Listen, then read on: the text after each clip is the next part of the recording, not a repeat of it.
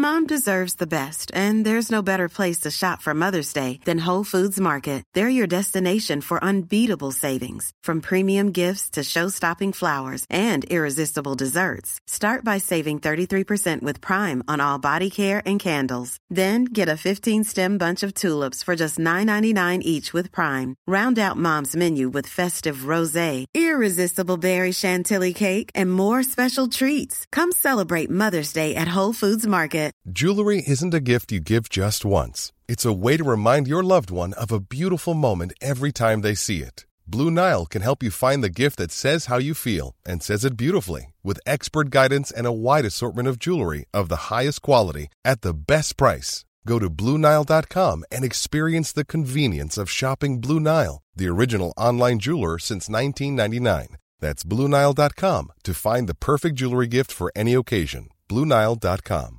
Ryan Reynolds here from Mint Mobile. With the price of just about everything going up during inflation, we thought we'd bring our prices down. So to help us, we brought in a reverse auctioneer, which is apparently a thing. Mint Mobile unlimited premium wireless. Have to get 30, 30, bit to get 30, bit to get 20, 20, 20, bit to get 20, 20, bit to get 15, 15, 15, 15 just 15 bucks a month. So, Give it a try at mintmobile.com slash switch. $45 upfront for three months plus taxes and fees. Promo rate for new customers for limited time. Unlimited more than 40 gigabytes per month. Slows. Full terms at mintmobile.com.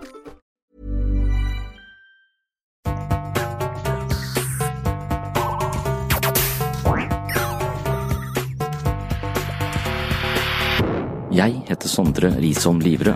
Jeg er psykolog, og dette er Webpsykologens podkast. Hverdagspsykologi for fagfolk og folk flest.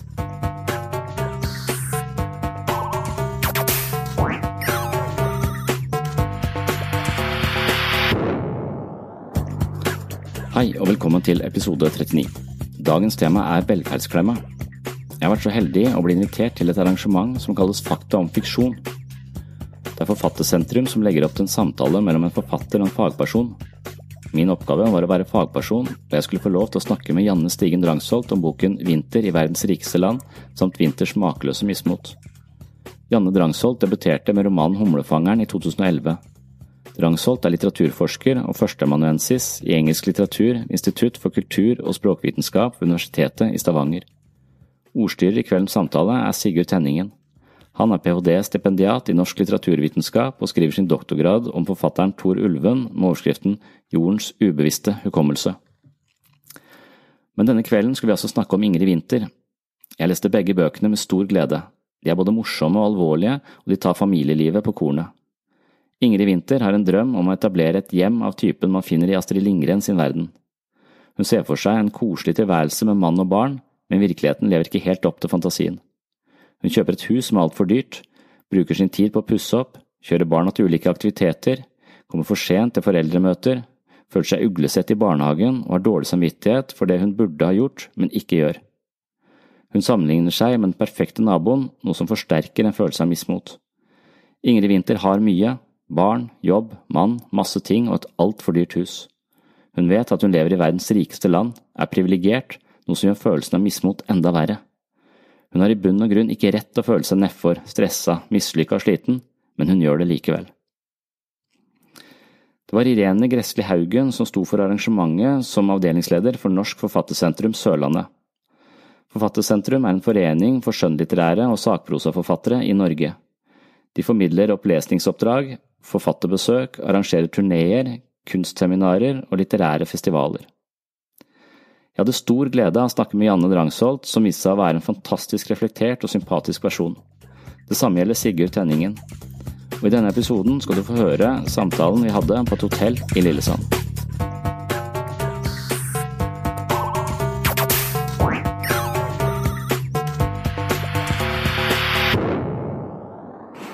Velkommen til Fakta om fiksjon, som er Forfattersentrums programserie om litteratur. og hvor vi inviterer en fagperson til å snakke med en forfatter.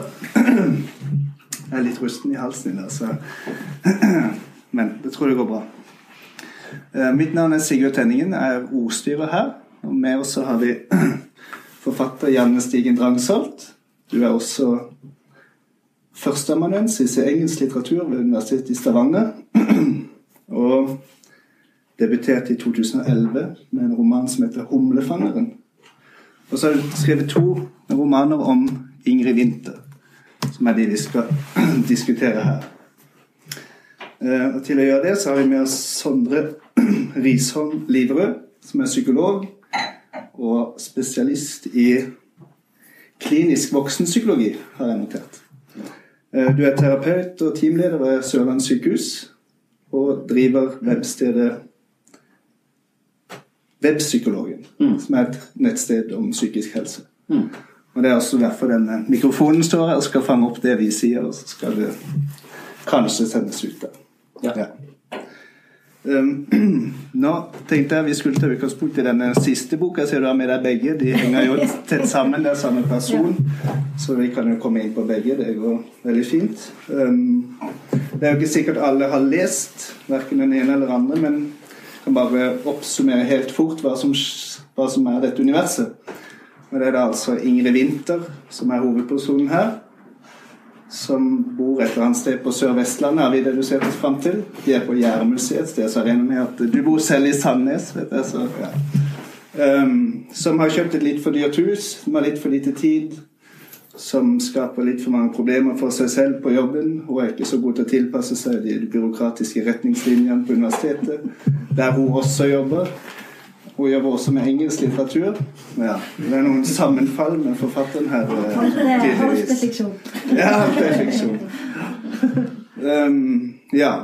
Tema, eller stikkordet for den samtalen her er noe som vi har kalt velstandsklemma. For det, det kan virke som at um, det mismotet som ligger i tittelen i den første boka, uh, at det kan kanskje springe ut av en slags um, norm om velstand, om uh, har masse tid, har mye overskudd, og så strekker ikke det helt til. Um, hun er i hvert fall hele tiden i, i klem, på et vis. Så lurer på er dette Tenker du, Sondre, at dette er kjente problemer, eller er dette bare den som angår den ene romankarakteren, eller er det noe som, som du møter på f.eks. i din jobb, eller? Mm, ja, eller det er en stor gjenkjennelsesfaktor i boka, syns jeg. Det, jeg kjenner meg igjen i henne. Eh, selv om jeg også er veldig annerledes eh, enn henne.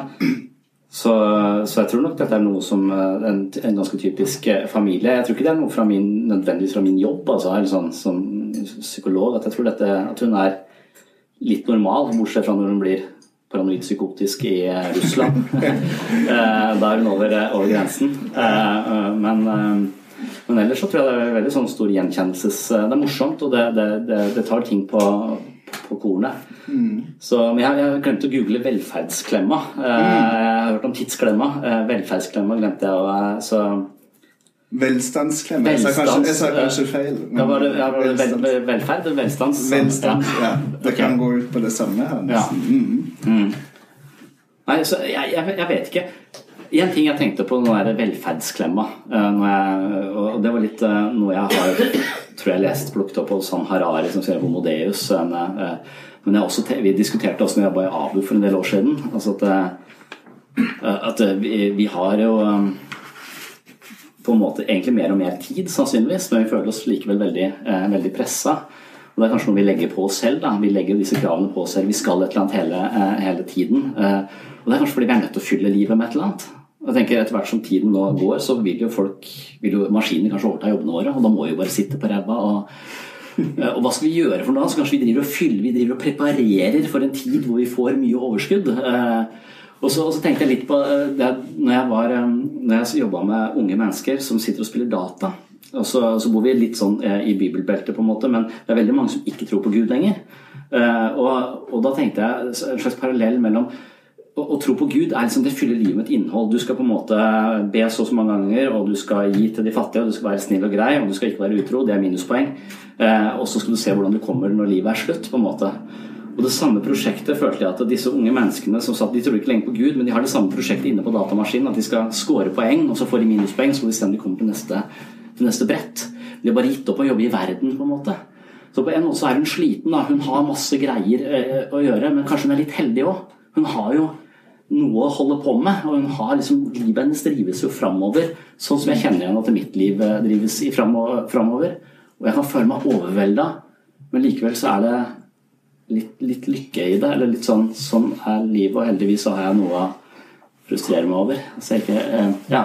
Jeg tenker at det kanskje forskjellen mellom tidsklemmer og velstandsklemmer er eh, eh, Kanskje dette her med tidsklemmer, så har du det bare travelt. Altså det er mye logistikk da, i livet, sånn at du må eh, eh, Det er minst tre aktiviteter som kolliderer hver ettermiddag, i tillegg til at noen har et møte på jobb og sånn. Så, men, men velstandsklemma er jo mer det som du snakker om med at eh, du eh, vet at du ikke har lov å klage på det. Mm. Fordi det er eh, alltid noen som sulter i Afrika. Mm. Og du vet jo at du bor i verdens rikeste land, mm. og at dette er jo egentlig ikke et problem. Du har det jo bare travelt. Mm. Eh, eh, sånn at du vet at eh, du må jo være lykkelig hele ja. tida.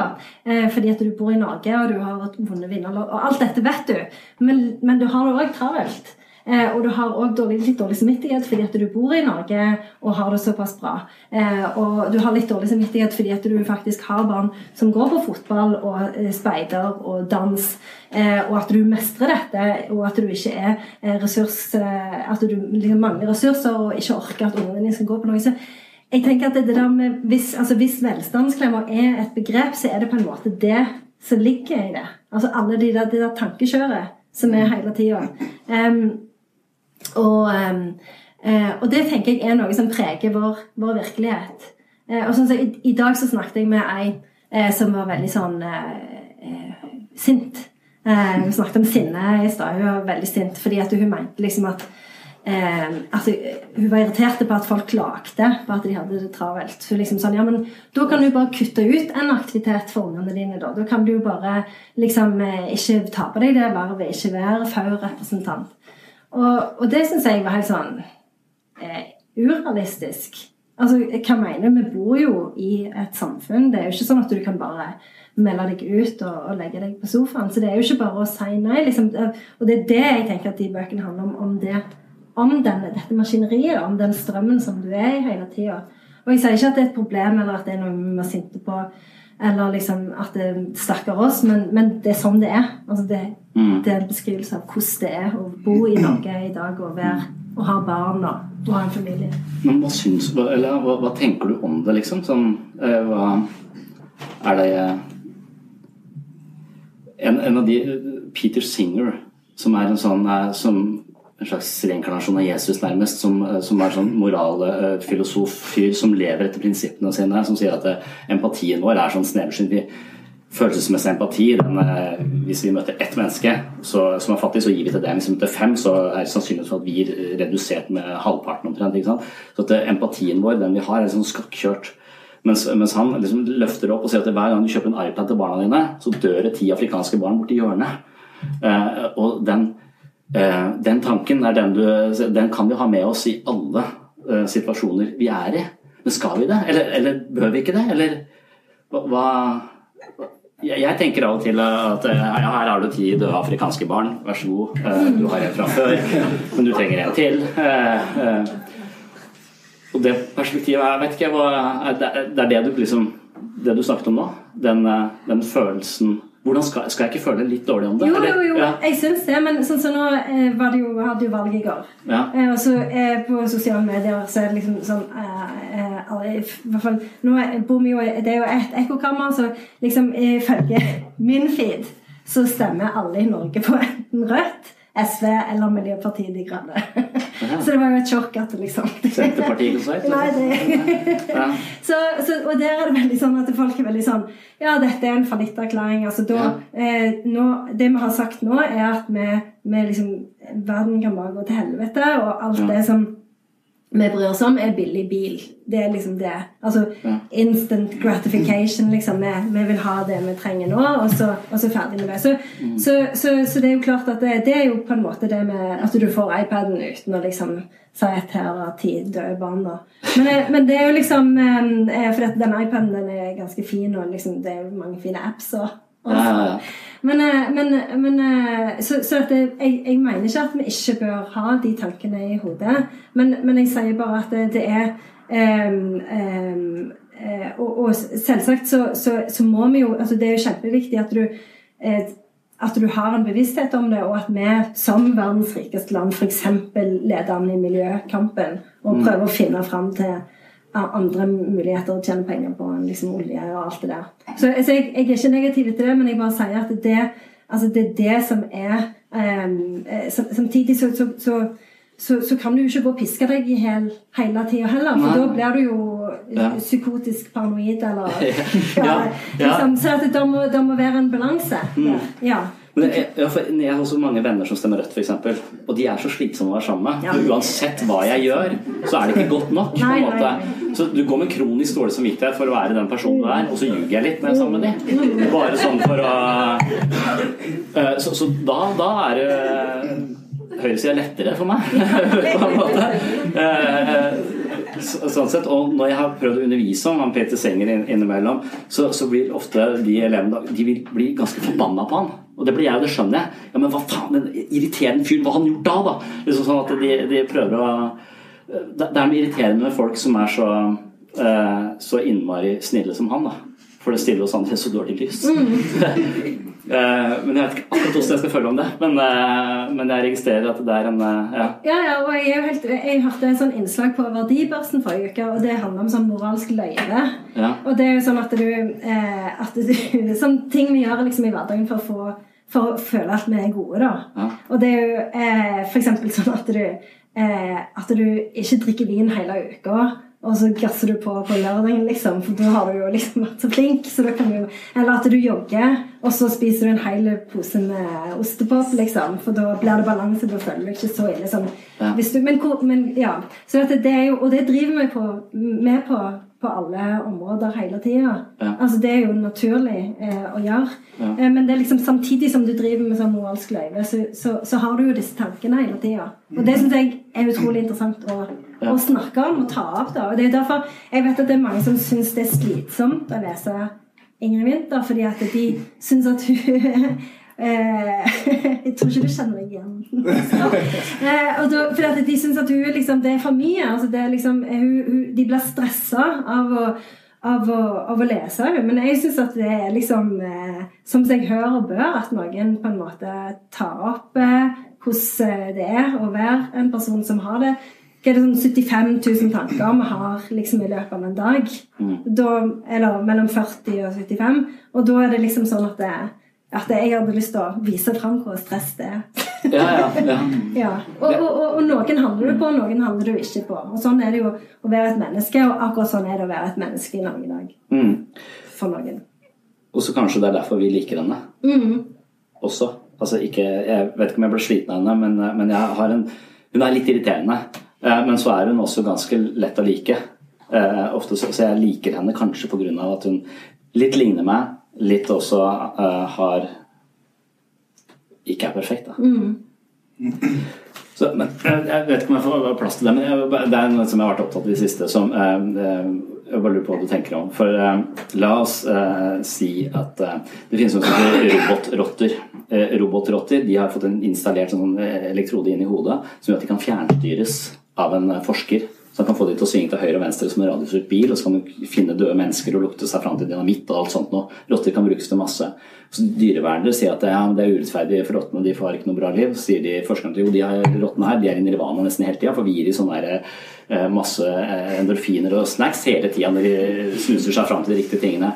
Så, så hvis du spør den rotta da altså Rotter vil ikke klatre opp på stiger for eksempel, eller hoppe ned. Det gjør disse rottene. Og Hvis du hadde spurt rotta, så mener disse forskerne at ja, da hadde vi sagt at ja, men jeg hadde lyst til å klatre opp stigen. Så jeg klatrer opp stigen. Så rotta har lyst til det, og den får noe ut av å gjøre det. og Dermed så er den styrt på den måten. Og så er spørsmålet det gjelder bare rotter. Nei, det kan også gjelde mennesker. Vi kan manipulere fram følelser av kjærlighet, religiøsitet, eh, sinne. Altså, vi kan stimulere hjernen på en måte som gjør at vi blir sinte, ø, føler kjærlighet. Altså ting som ikke eh, og, ø, ja, som, som, som da en sånn transkranial hjelm stimulerer oss eh, til. Og da tenkte jeg litt bekymra for min egen ras som psykologer som skal snakke med folk. Men hva om du da i fremtidens apotek, la oss si noen år fram i tid, går inn og kjøper deg en programvare eh, som du bare installerer i huet ditt, som gjør at du når du kommer hjem på ettermiddagen, har dritlyst til å klippe plenen, spise brokkoli og leke med barna med verdens beste tålmodighet. Eh, og det koster 599 kroner med gratis oppdateringer i fem år. La oss, la oss si at du får den eh, hjelmen, og det er det du har lyst til. Spiller det da en rolle om det er en annen programmerer bak den lysten? Altså, du, du, har ikke, det er ikke din fri, du føler at det er dette jeg vil. Eh, men, og det har jeg snakket med en del av de si, pasienter som vi kaller på vår jobb. Da, men de har sånne grupper og diskuterer filosofi på en måte nærmest. Dette. Hva er ulempen med det? Da får vi en gjeng med folk som bare lever helt perfekt. Altså, De er jo irriterende, sånn som Ingrid Winther påpeker. Eh, så, men, men, jeg kunne godt tenkt meg en sånn hjelm, kanskje. Bare ikke alle andre hadde. Jeg vet ikke helt. Hva, hva, hva skjer hvis alle hadde levd Er, vi, er mennesker sjarmerende fordi vi er fulle av feil, kanskje? Ja, det er vel litt sånn. Og så er det jo litt sånn jeg vet ikke, Du har jo litt den hjelmen hele tida uansett, tenker jeg. Altså, det var jo litt sånn Nei, ikke du. Men noen andre. Ja, okay, ja. Eh, men jeg bare tenker på sånn så for eksempel På 1800-tallet så var det jo mange kvinner som ikke ville ha stemmerett. Og det var jo fordi at de på en måte levde i et samfunn hvor de var blitt indoktrinert til å tro at det, det ikke var lurt. Fordi altså, Du har jo ideologi, liksom. Ja, ja. Du lever jo, altså, sånn så Jeg syns det er kjempelurt med barnehage. Men det, ikke, det, kan jo være bare at jeg syns det er lurt med barnehage fordi at det, det, jeg, har blitt, jeg, har vokst opp altså, Jeg har blitt indoktrinert i tanken om at barnehage er bra eh, fra eh, jeg var liten sjøl. Så jeg, jeg, klarer ikke å liksom, jeg klarer ikke å se samfunnet utenom den boksen som altså, hvor, du, hvor, du, eh, hvor, de går i barnehage, og så går de på SFO, og så går de på skole, og så går de begynner i jobb. Altså alt det, så dette, Du har jo den der jeg prøver jo liksom òg å, å, og Du prøver jo hele tida å være inni denne hjelmen òg, med liksom, og brokkoli. Vi snakket om brokkoli, meg og jeg har ei som er åtte, og vi snakket om brokkoli den mandagen. Hun kan ikke forstå hvorfor alle liksom hater brokkoli, for det er jo kjempegodt. Og da føler jeg litt av det, fordi jeg har satt på den hjelmen og liksom sagt til henne fra hun var veldig ung at liksom, jernbrokkoli brokkoli er så godt. Mm, det er deilig. Det har jeg også sagt. Ja, ja, jo, jo, men av og til lykkes du med det, av og til ikke. Altså, ja. Du har jo den hjelmen litt eh, uansett, eh, tenker jeg. Men det er jo klart at jeg, jeg er jo enig i at det,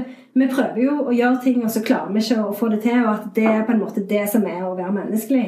Eh, mm. det, men, men sånn som for eksempel Det er jo en sånn science fiction-roman som heter The Giver.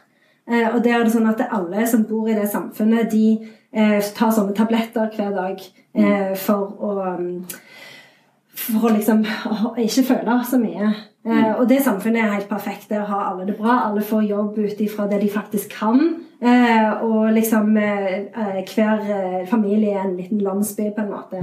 Men de problemene Altså, da må du gi opp noe.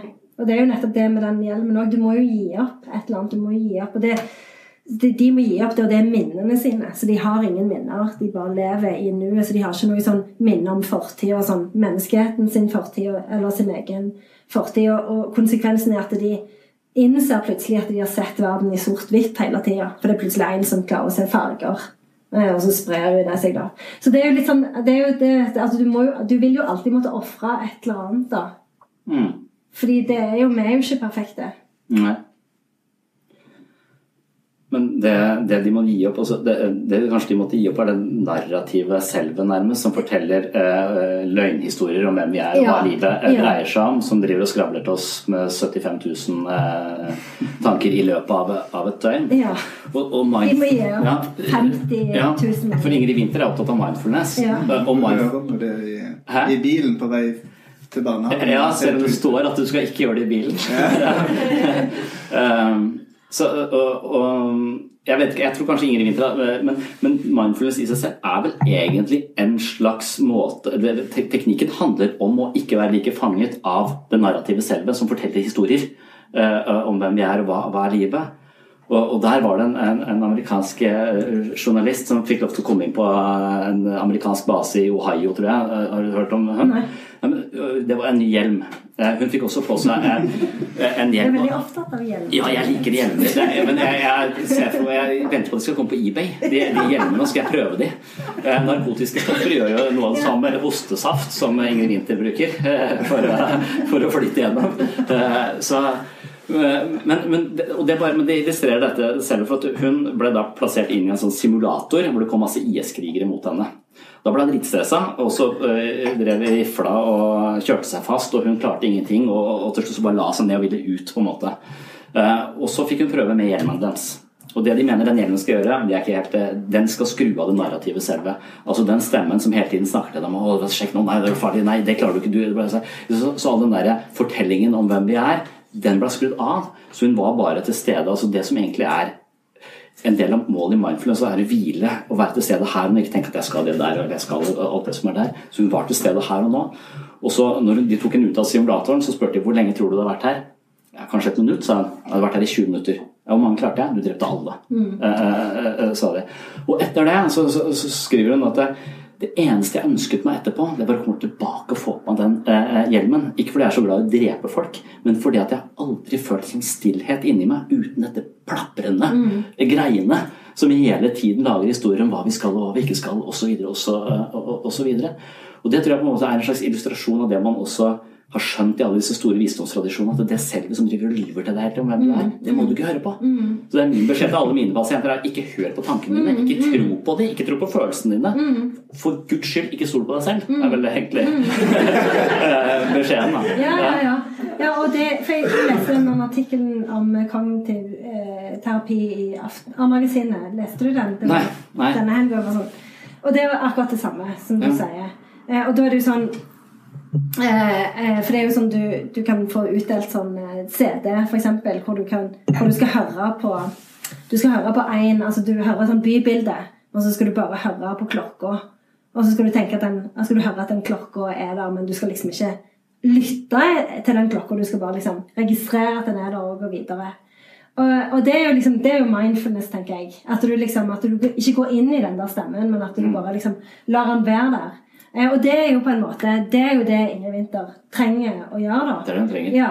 Eh, men, eh, men, men det, jeg, jeg, har, jeg har snakket med mange som har prøvd på sånn mindfulness-app i bilen. Og det, det er ikke. Bare.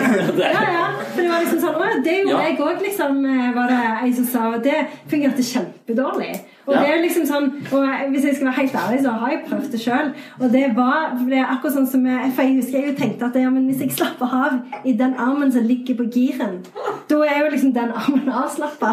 Så da gjør det ikke noe at det liksom Jeg kjører jo kø, det er jo ikke så veldig krevende. Så, så det er liksom Altså, du prøver liksom å få sånn easy fix, da. Ja, men- Å få litt sånn ro og fred. Ja. Uh, um, ehm, men, men jeg, tror det er, jeg tror det er utrolig Jeg tror det er grunnen til at det er sånn yogatrend eh, nå. Altså, for det er, jo, det er jo det som er yoga, liksom. Da slapper du jo av liksom, med hele deg. Og du trenger ikke å gå inn i de stemmene. Du trenger ikke å lytte til dem. Du kan bare liksom søke og, og, og være liksom helt blank, da. Ja. Og så, så tror jeg at øh, noen sier at jeg prøvde mindfulness, men det funka ikke. Det er litt som hvis jeg hadde forklart noen øh, hvordan det er å gå på line, eh, og så sa de 'jeg prøvde, den funka ikke'. Eh, det er litt samme greia med mindfulness. at Det er nesten som å trene mental. Hvis Ja, jeg skal løfte er 250 kilo i Ja, benk, ja, ja. så må jeg holde på en stund. Jeg tror det er litt som å trene eh, Det er ikke lett å ikke være tankene sine. Det er, på en måte så er det litt lett å, Du skal observere tanken, ikke være tanken. Mm. Det er en lett beskjed å få, men det er lett å forklare folk hvordan de skal gå på line også. Men det er ikke så lett å gjøre det. Nei. eh, på en måte. Så Det er derfor vi har på denne hjelmen. ikke sant? Ja. For da slipper vi å trene på det. og så kan vi bare få eh, Så, så det er en sånn eh, quick fix-drøm. sånn Science fiction.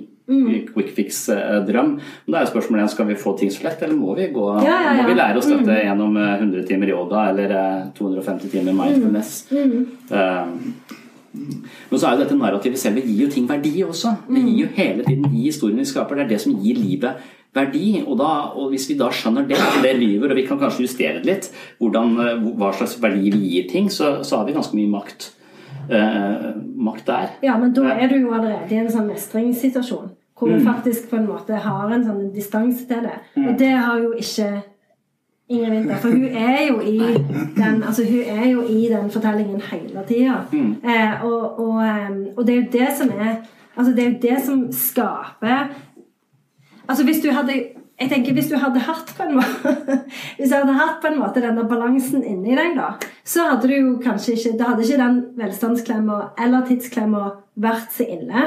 Uh, sånn så jeg tenker nå, akkurat nå, Mine barn er liksom åtte og uh, Nå husker jeg ikke hvor gamle de er, men de er i hvert fall åtte. og 11 og 14. og, og, det, uh, og nå, det er kjempefint. Sånn så jeg hadde um, hadde, den andre dagen så var jeg på eh, fotball med Einar, så da var jo alle hjemme og så faktisk lagde middag, liksom. Så det var sånn Da fikk jeg veldig sånn ro. Ja. Eh, eh, men, eh, men jeg, jeg, liksom husker den perioden når du hele tida tenker i sånn timinuttersbolker, ja. og så vet du liksom at det er ti minutter til du skal være et sted. Og det er jo fysisk umulig. Og så vet du at minst to av de vil ikke ha på seg sokker. Eh, og du vet at eh, liksom den tredje sannsynligvis er oppe og heller cornflakes utover gulvet. Og det må du få vekk, for det blir enormt dårlig stemning hvis mannen kommer hjem og liksom, for han har jo gått tidlig for å gå på møte. Altså liksom den der. Altså ja. Når du er midt inne i den der, da er du inne i Altså det er tidsklemmer og velstandsklemmer på sitt, eh, ja. sitt, sitt, maksimale, da. Ja, det er litt der jeg er. Jeg må også glede meg til klokka ett, for da skal jeg gå på do. Ja, nemlig. Eh, ja. For da, da, sover hun på ti måneder. Ja, ja, ja, ja. det er nettopp det. Eh, og da er det jo sånn at du bare setter så utrolig pris på å sitte på venterommet hos legen, liksom. Ja, vet du. Eller på do. Bare... du går veldig lenge på do, da veit du at det er det eneste stedet det ikke er noen folk. Bare så. Ja ja, så det, det, er jo, det, er jo, liksom denne eh, intense fasen, da. Ja, som eh, Men det er jo også Det er jo ikke bare hennes egne løgner til seg selv. Det er jo ikke bare hennes egne tanker som dukker opp. Hun er jo også veldig mye konflikter rundt seg hele tiden. Hun er jo konflikt på jobben, for det er jo ikke gjør som hun skal med studentene. Hun er veldig ovenfra og ned med de, og de klager på Og det fortjener de. og så er hun konflikt med den perfekte naboen Katti fordi hun er på en slags fest hjemme hos de, hvor hun ja, fornærmer noen gjester der. For det, i, i Ingers, Ingrids øyne så er naboen for, for perfekt Hun må også jekkes litt ned. Um, og så er det dette huset som de, de pusser opp. Um, som de tar av kledningen og lager hull i taket, som står der, og det er fare for regn. Og, så det, det, er absolutt ting, konflikter der ute også. Det er jo ikke bare hun som, uh, som lager som, Det er ikke et selvstressende aspekt bare ved det. Det er også reelle konflikter med omverdenen, tenker jeg. Mm. Mm. Ja, og det er jo litt sånn at du Altså, for du speiler deg jo sjøl hele tida i andre, selv om du egentlig ikke vil det. Eh, og da er det jo sånn at eh, For jeg merker jo sjøl liksom, når jeg står på Sånn når du står og ser på fotballtrening, og så er det liksom sånn Står du ved siden av noen, mm. og så er, gjerne de liksom forteller om hvor travelt de har hatt det. Mm. Eh, og da er det liksom sånn ah, Og da føler du kanskje at du må overgå dem litt. Så gjerne du forteller liksom ja, men nå skal du høre hvor travelt jeg hadde det. Og så blir det liksom en litt sånn For det er jo litt, det er jo litt sånn um, prestisje òg i å, i å ha, det, ha, det, travelt, da. Mm. Eh, for dette sånn så, eh, de, de sier jo at søvn liksom kommer til å bli den nye sånn status... Eh, liksom. Hvor mye du sover? Ja, ja. Mm. Er det mye så mye eller lite? Mye. Okay. mye. Men, nå, men, jeg vil påstå at det, det er fremdeles liksom å ha det travelt. At det er litt sånn status eh, å ha det travelt. Um, og, og, da, altså, så dette, det er jo liksom, og så føler du liksom at når du står der, da, så har du liksom solgt liksom, du har solgt deg litt, fordi at du vil jo egentlig ikke ha denne lame diskusjonen om hvem som har det mest travelt, men du er jo inni der likevel, på en måte. Eh, så, så, så, det er jo litt sånn at Ja, eh, at du, du gjør jo det automatisk. Litt sånn sammenligner deg med andre. Eh, så ja. Det er som Sondre sa i stad, når du er sammen med dine venner fra Rødt, hvor du lyver litt for å, for å tilpasse det. Det er jo det mm. Ingrid gjør også. Hun ja. forteller om hva hun skal i ferien, og hvor hun har vært eller i India. Hun sier hun har vært ja. Hun er veldig, veldig verdensmann på, på, på, disse festene, i hvert fall. Hun har gjort fotturer og skal ja, Veldig sånn selvstressende fellesskap hvor man hele tiden skal overgå hverandre i Jeg lyver når jeg er sammen med venner, venner som stemmer rødt, og så lyver jeg når jeg er helsesøster om hvor mye jeg drikker med barna mine. Ja, ja, sånn det er stress. Ja, hvor mye drikker du? Og, så, og da først så, så, ser jeg hun har sånn blikk, og ja, plutselig Ja. så drikker jeg nesten ingen. Jeg avholds. Ja. Altså, hvor, hvor kom det fra? Hvorfor begynte jeg å ljuge da? Hva er det som skjer? Det er... Men, ja. Ja, og så er det jo litt sånn hva, For dette, det er jo Altså, du, du vil jo ha disse tingene òg. Altså, det, det er det som er litt sånn stress. For jeg, snakket med en sånn en eh, En sånn fyr eh, som, som er frilansfotograf, da. Eh, og så snakket vi om liksom den eh, For Ingrid har jo litt sånn ønske om å havne i koma på et tidspunkt. At det kunne vært veldig deilig. Litt sånn eh, ekstremversjon av å gå på do, liksom. Ja, da sitter jeg i fengsel. Mm, ja. Og, og da liksom sånn Fengslet, så kan jeg bare sitte og skrive og tenke. Ja. Ja. Og det var liksom sånn Han sa at ja, han, han hadde òg liksom eller Han hadde ikke hatt ønske om å, om å være i koma, men han hadde vært i en sånn liten motorsykkelulykke. Hvor han liksom hadde måttet ligge på sykehuset i tre dager. Han var liksom ikke skada eller noe. Men han fikk liksom bare ligge på sykehuset. Det hadde vært så utrolig deilig. For han hadde liksom vært litt sånn neddopa på morfin og sånn. Det hadde vært veldig deilig. Eh, Så det hadde vært litt sånn spa for han på en måte. Ja. Eh, og så er det jo litt sånn skamfullt når du sier det òg, for det er jo litt sånn lamt. Men, men, men det samtidig er det jo litt sånn Jeg syns det er litt sånn friere å være litt sånn åpen på det òg. Fordi at det, eh, sånn så det var en, en venn av meg som la ut på den andre dagen liksom, Han la ut en sånn en, en statusoppdatering på Facebook hvor han skrev at det, Eh, tror, hvordan skal jeg slippe unna FAU? Eh, er det nok å liksom ha en sånn rød caps hvor det står 'Make America Great Again'? Liksom? Ja, det er det. Eh, ja, det alle var enige om det. Men da var det liksom Da var det ei som skrev sånn 'Å ja, disse med FAU òg nå'. Ja. Ja, er det, liksom, det er det nye nå. At liksom, de bare jobber kjempehardt med å, å gjøre hverdagen bedre for ungene våre. Og det var så langt, Det er liksom, ja, kjempebra. Altså liksom, å, Er det ikke lov å si noen ting? For, for det, det som han fotografen som med narkosen og sparet da sa For du vil jo ha disse tingene. Du vil jo at folk skal engasjere seg i ungene sine liv. Og du, du vil jo altså Det er jo en grunn til at det, For jeg har alltid minst to verv. Eh, Fordi du vil, jo at, du vil jo at de skal ha det bra. Du vil jo at de skal på en måte ha en fritidsaktivitet, og du vil gjerne at de skal eh, ha avslutninger på skolen. Du vil, de skal ha, du vil legge ting til rette for dem. Og, og alle disse tingene er jo gode. En vil jo at foreldrene skal engasjere seg. En vil jo ikke ha liksom, en gjeng med sløkkersforeldre. Men det er liksom denne balansen, da. Når er det for mye? Liksom, Når er det nok? Eh, og hvor tid, altså Må det være økologisk hele tida, liksom? Ja. Ja.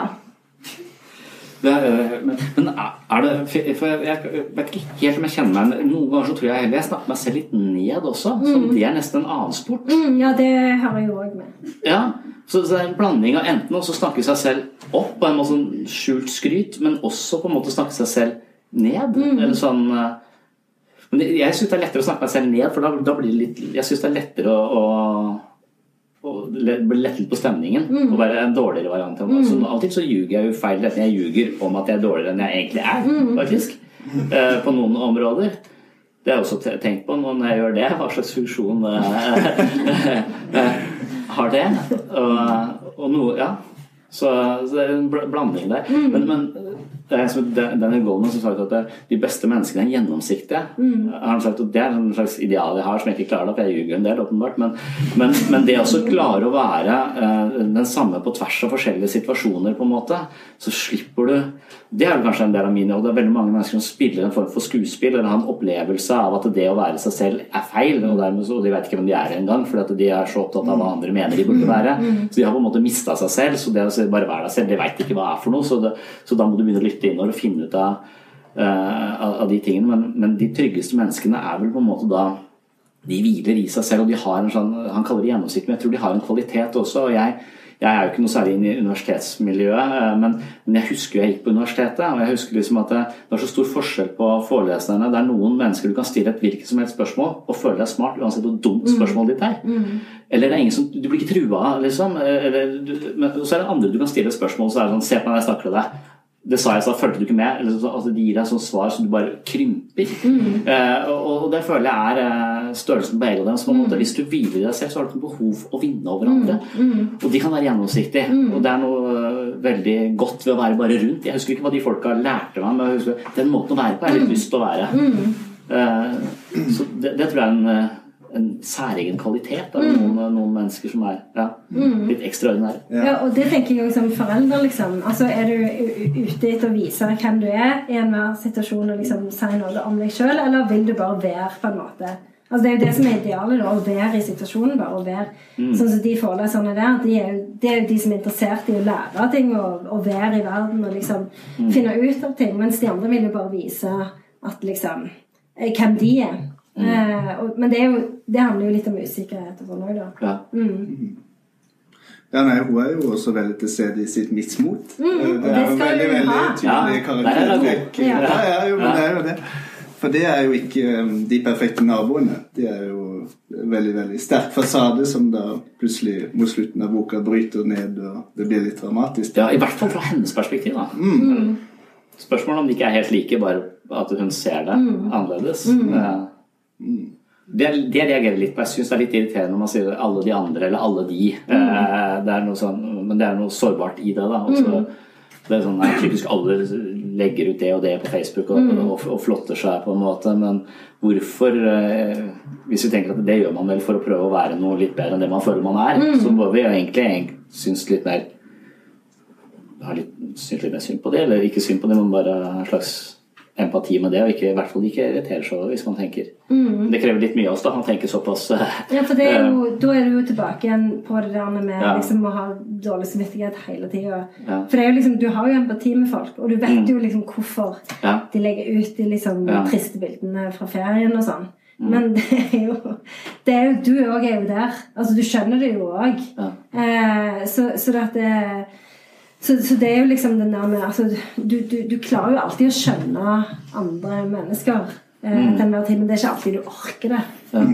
Av og til så er det litt deilig å bare liksom bli irritert og ja. Mm. Så en annen ting som jeg tenkte på når jeg leste eh, disse to bøkene, det, det var at eh, de hadde kanskje og det er liksom betent, men de hadde kanskje ikke sett sånn ut hvis de var skrevet av en mann. Eh, det er, jeg tror det er en, eh, en slags liksom Når du møter noen, noen pasienter jeg møter, så, så tenker jeg vi bor i samme by, men du bor i Gotham City, og jeg bor i Kristiansand. Når jeg går gjennom Markens, så er det et sånn kjempehyggelig sted å være med softis. Når vi går gjennom Marken, så er det sånn at der står han med balltre. Han, sånn, de, de bor i en kriminell by. Jeg bor i en eh, Selv om vi går på sånn, vi har helt forskjellige perspektiver eh, på, på, på disse tingene. Og når jeg eh, krangler med kona mi, så er det om eh, Eller så, så kan vi si vi er veldig likestilte fordi at vi, er, vi har samme utdannelse. Vi jobber like mye. eh, vi gjør like mye hjemme. Men hun tenker mer enn meg, sier hun. Og Det syns jeg er litt lite etterrettelig. da. Eh, på en måte. Hva mener du med å tenke mer enn meg? Jeg tenker på mange ting. Ja, men Du tenker på sånne ting som du skriver om. eller sånn, eh, sånne. Jeg tenker på hvem vi skal treffe til helgen. hvordan familie... Hun planlegger. Så hun har en helt egen eh, verden av planlegging eh, som hun holder på med. Og det tenker jeg, Selv om jeg ikke i kranglene kjøper det argumentet, så kjøper jeg det argumentet. på en måte, At hun tenker mer enn meg. Eh, og har også en hang til å på en måte i dag har vi krangla kjempe... Eller ikke, vi har ikke krangla, men vi, vi har hatt et kjempeproblem med å komme på et foreldremøte fordi jeg skulle hit. Og, og så ble barnevern. Så vi har akkurat i det i dag var akkurat en sånn dag. Vi hadde fem minutter å dusje på før jeg skulle, uh, skulle hit. Og så vi driter i foreldremøtet, sier jeg. Nei, der er det viktig å gå. Av helt andre årsaker enn jeg trodde. Men den informasjonen kan du bare få av Nina, tenkte jeg. Eh, nei, men det var også viktig å på en måte om- plukke opp hvis det var et eller annet. Det Plukke syns jeg hva da? du må ta ja. Eh, hva er det du skal plukke opp? det, er da liksom Ja, ok, når du forklarer meg, så skjønner jeg det, men det hadde ikke jeg fått med meg. Selv om jeg skal liksom være psykolog og jobbe med sånne subtile ting, så får jeg ikke med meg halvparten. Eh, på en måte. Så det, er en stor forskjell kanskje på måten vi ser ting på. Ja, eh, Jeg vet ikke helt, men jeg tror jeg Det som jeg har tenkt med de bøkene, er jo litt at eh, de er morsomme, men at de like godt kunne vært ikke morsomme. At de kunne like så godt altså For det er jo liksom det der historie kan fortelles ut fra et humoristisk eller tragisk perspektiv. da eh, Så dette, jeg, tenker at de kunne like så godt vært av ei sånn ei eh, dame som på en måte være fem minutter fra å bli lagt inn på uh, lukka avdeling, liksom. Eh, eh, eh, men, eh, men det der med Altså, det er jo eh, er litt farlig, for plutselig kommer du inn på den der eh, eh, Plutselig kommer du inn eh, på den der diskusjonen om liksom, Hvis en mann skriver det, så er det- er universelt, men hvis ei kvinne skriver det, så er det ei kvinne. Liksom, da er det en kvinnelig forfatter. Altså, Forskjellen Ja. mellom at Knausgård har skrevet noe som alle kan kjenne seg igjen i, og Vigdis Hjorth har skrevet noe som gjerne først og fremst kvinner kan kjenne seg igjen i. Ja. Så litt, liksom, vi er fort inne i den diskusjonen. Ja, jeg vet at det er liksom farlig. Ja, ja. Eh, så, jeg, så jeg vet ikke. Um, Knausgård kjører jo òg mye tanker. Jeg tenker han liksom lett 75 000 tanker om dagen. Ja, ja, ja. Eh, og, og der er det òg en del Tok jo brokkoli, seks spinn og ja, ja, ja, ja, for Ja. der har du liksom Hitler òg som bare Ja, ja. suste og går. Ja. Eh, så ja, jeg vet, jeg syns det er litt vanskelig å svare på. Uh, jeg, jeg, sånn, jeg vil gjerne at det ikke skal være det. Ja, men tenker jeg Ikke tenk sånn fagpolitisk på det, men bare tenk sånn eh, Mine svakeste sider er andre enn Eller Uh, la, ja, Det er liksom kontroversielt om det er noe forskjell, men, men jeg mener at eh, min hjerne er uh, på en måte uh, skapt på en sånn måte at den er tilpassa steinalderen, og ikke den har mer testosteron. den har mange sånne for, eh, Sjansen for at jeg blir sint i en situasjon og er ikke pedagogisk, er mye større enn en person som ikke har en hjerne som har så mye testosteron i seg. Og Derfor så er jeg jeg er flink til å klubbe ned folk eller stikke av. Altså, det, det er noen evolusjonspsykologer som mener at den er fight-flight-respons som man trodde var universell. Det er egentlig en mannerespons. Hvis du er kvinne, så hjelper det ikke å stikke av, for du er ikke rask nok. Og det hjelper ikke å angripe, for du er ikke sterk nok.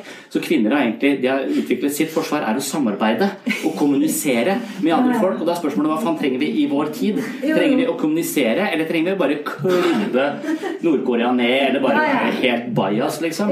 Hva, hva lønner seg i vår verden? Og tenker at det, det er vanskeligere å være meg, da, enn å være, være deg.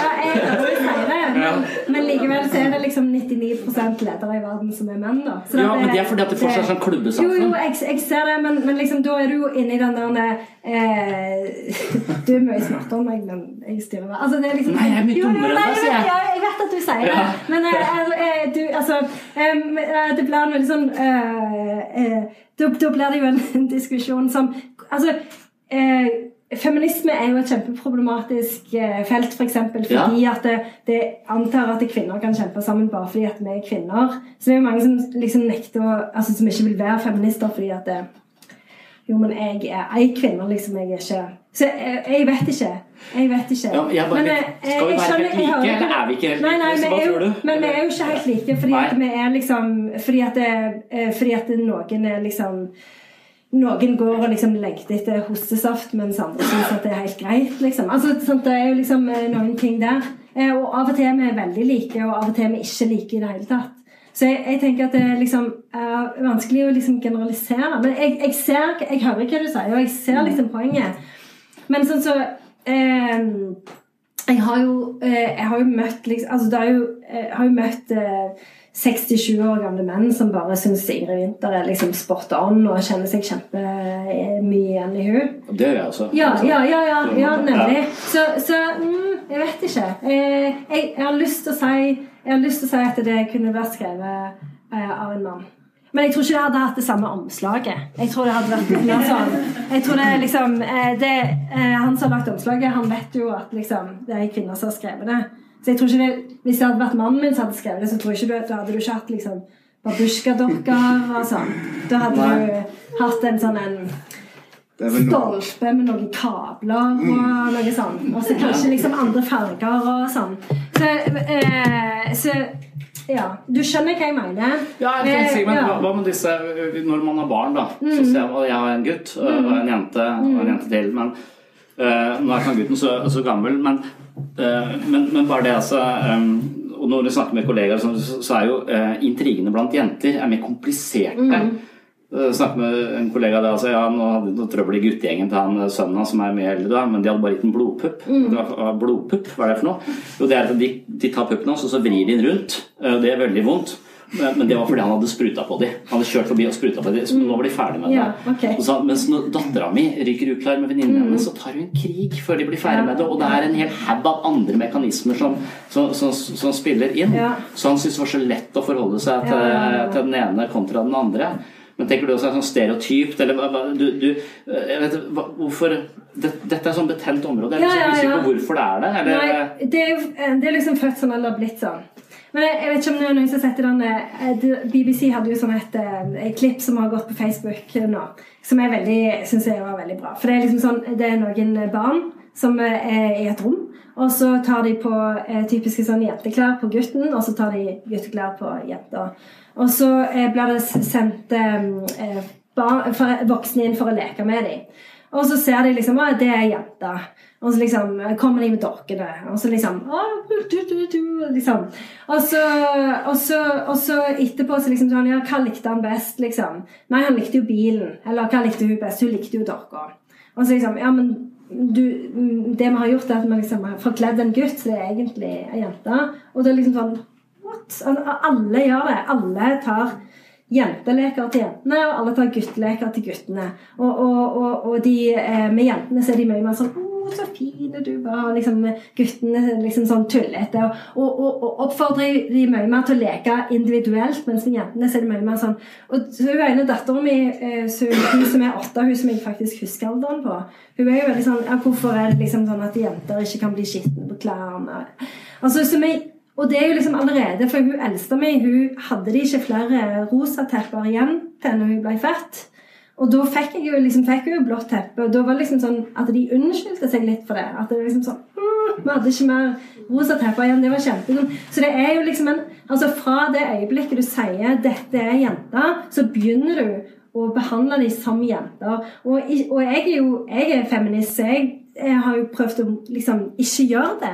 Men du gjør det fordi at du har den der hjelmen som du har kjøpt på eBay på deg. Og den Ja. har liksom mor di har hatt på seg den hjelmen, og bestemor di som ikke liksom fikk utdanning engang, hun har hatt på seg den. Så liksom den hjelmen sitter grævlig godt fast. Og Ja, det, det gjør tenker at det er så mye sosialt gjennomtrengt? Ja. At det er det, Ja. så, det, så du vektlegger miljøfaktoren veldig, og du mener det kunne vi intervenert på? Ja, så at det hadde blitt, tror det. eh, blitt likere? Jeg tror det. Og, og, og, og det tenker jeg, men, men og, og f.eks.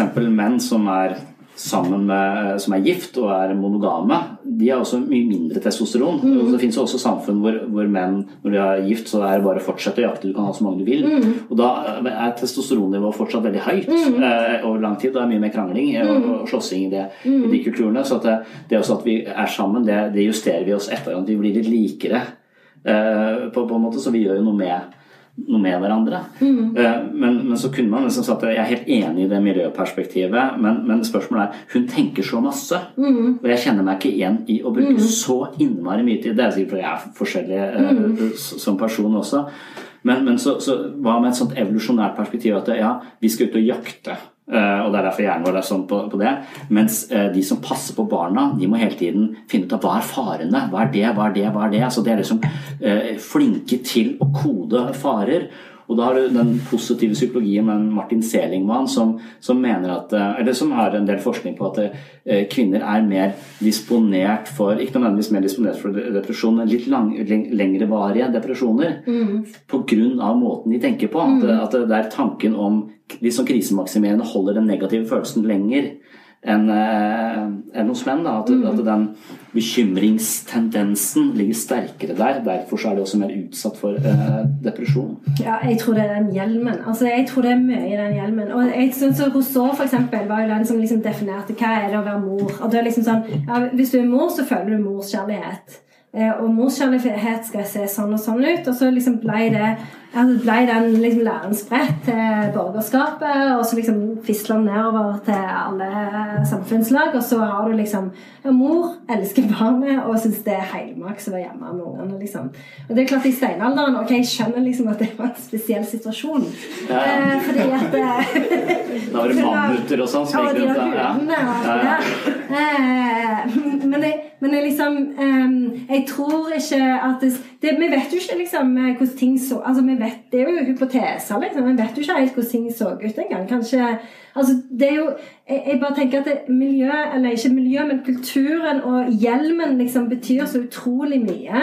Eh, at, eh, og, og, og, og det påvirker jo selvsagt òg den liksom Altså, Yoga kan jo endre kroppen din innvendig, og da kan jo liksom kultur òg endre hvordan du liksom eh, hvordan liksom de kjemiske tingene fungerer på innsida. Og, og liksom hysteri er jo Det vet vi jo, at liksom hysteri blant kvinner på slutten av 1800-tallet, det kommer jo 100% av den situasjonen de var satt i, hvor de liksom måtte brodere seg i hæl liksom, hele døgnet. Ble jo helt psyko av å bare holde på å brodere. Ja. Um, så i hvert fall hvis du ikke syns det er gøy. Det er jo ikke alle som liker det. Um, Så jeg kan, ikke, jeg kan ikke på en måte uh, forklare det faktum Jeg føler at jeg er en dårligere forelder enn kona mi. Det kan ikke jeg skylde biologien. Nei. Da må jeg skylde på hjelmen. Men den er fortsatt ikke min feil. Nei, det er ikke din feil. Nei, nei, det er var bare samfunnet kjør som bare. Ja, ja, ja. Ja, det er greit. Det er så lenge jeg slipper å ta ansvar for det sjøl, så er det samme for meg. Altså.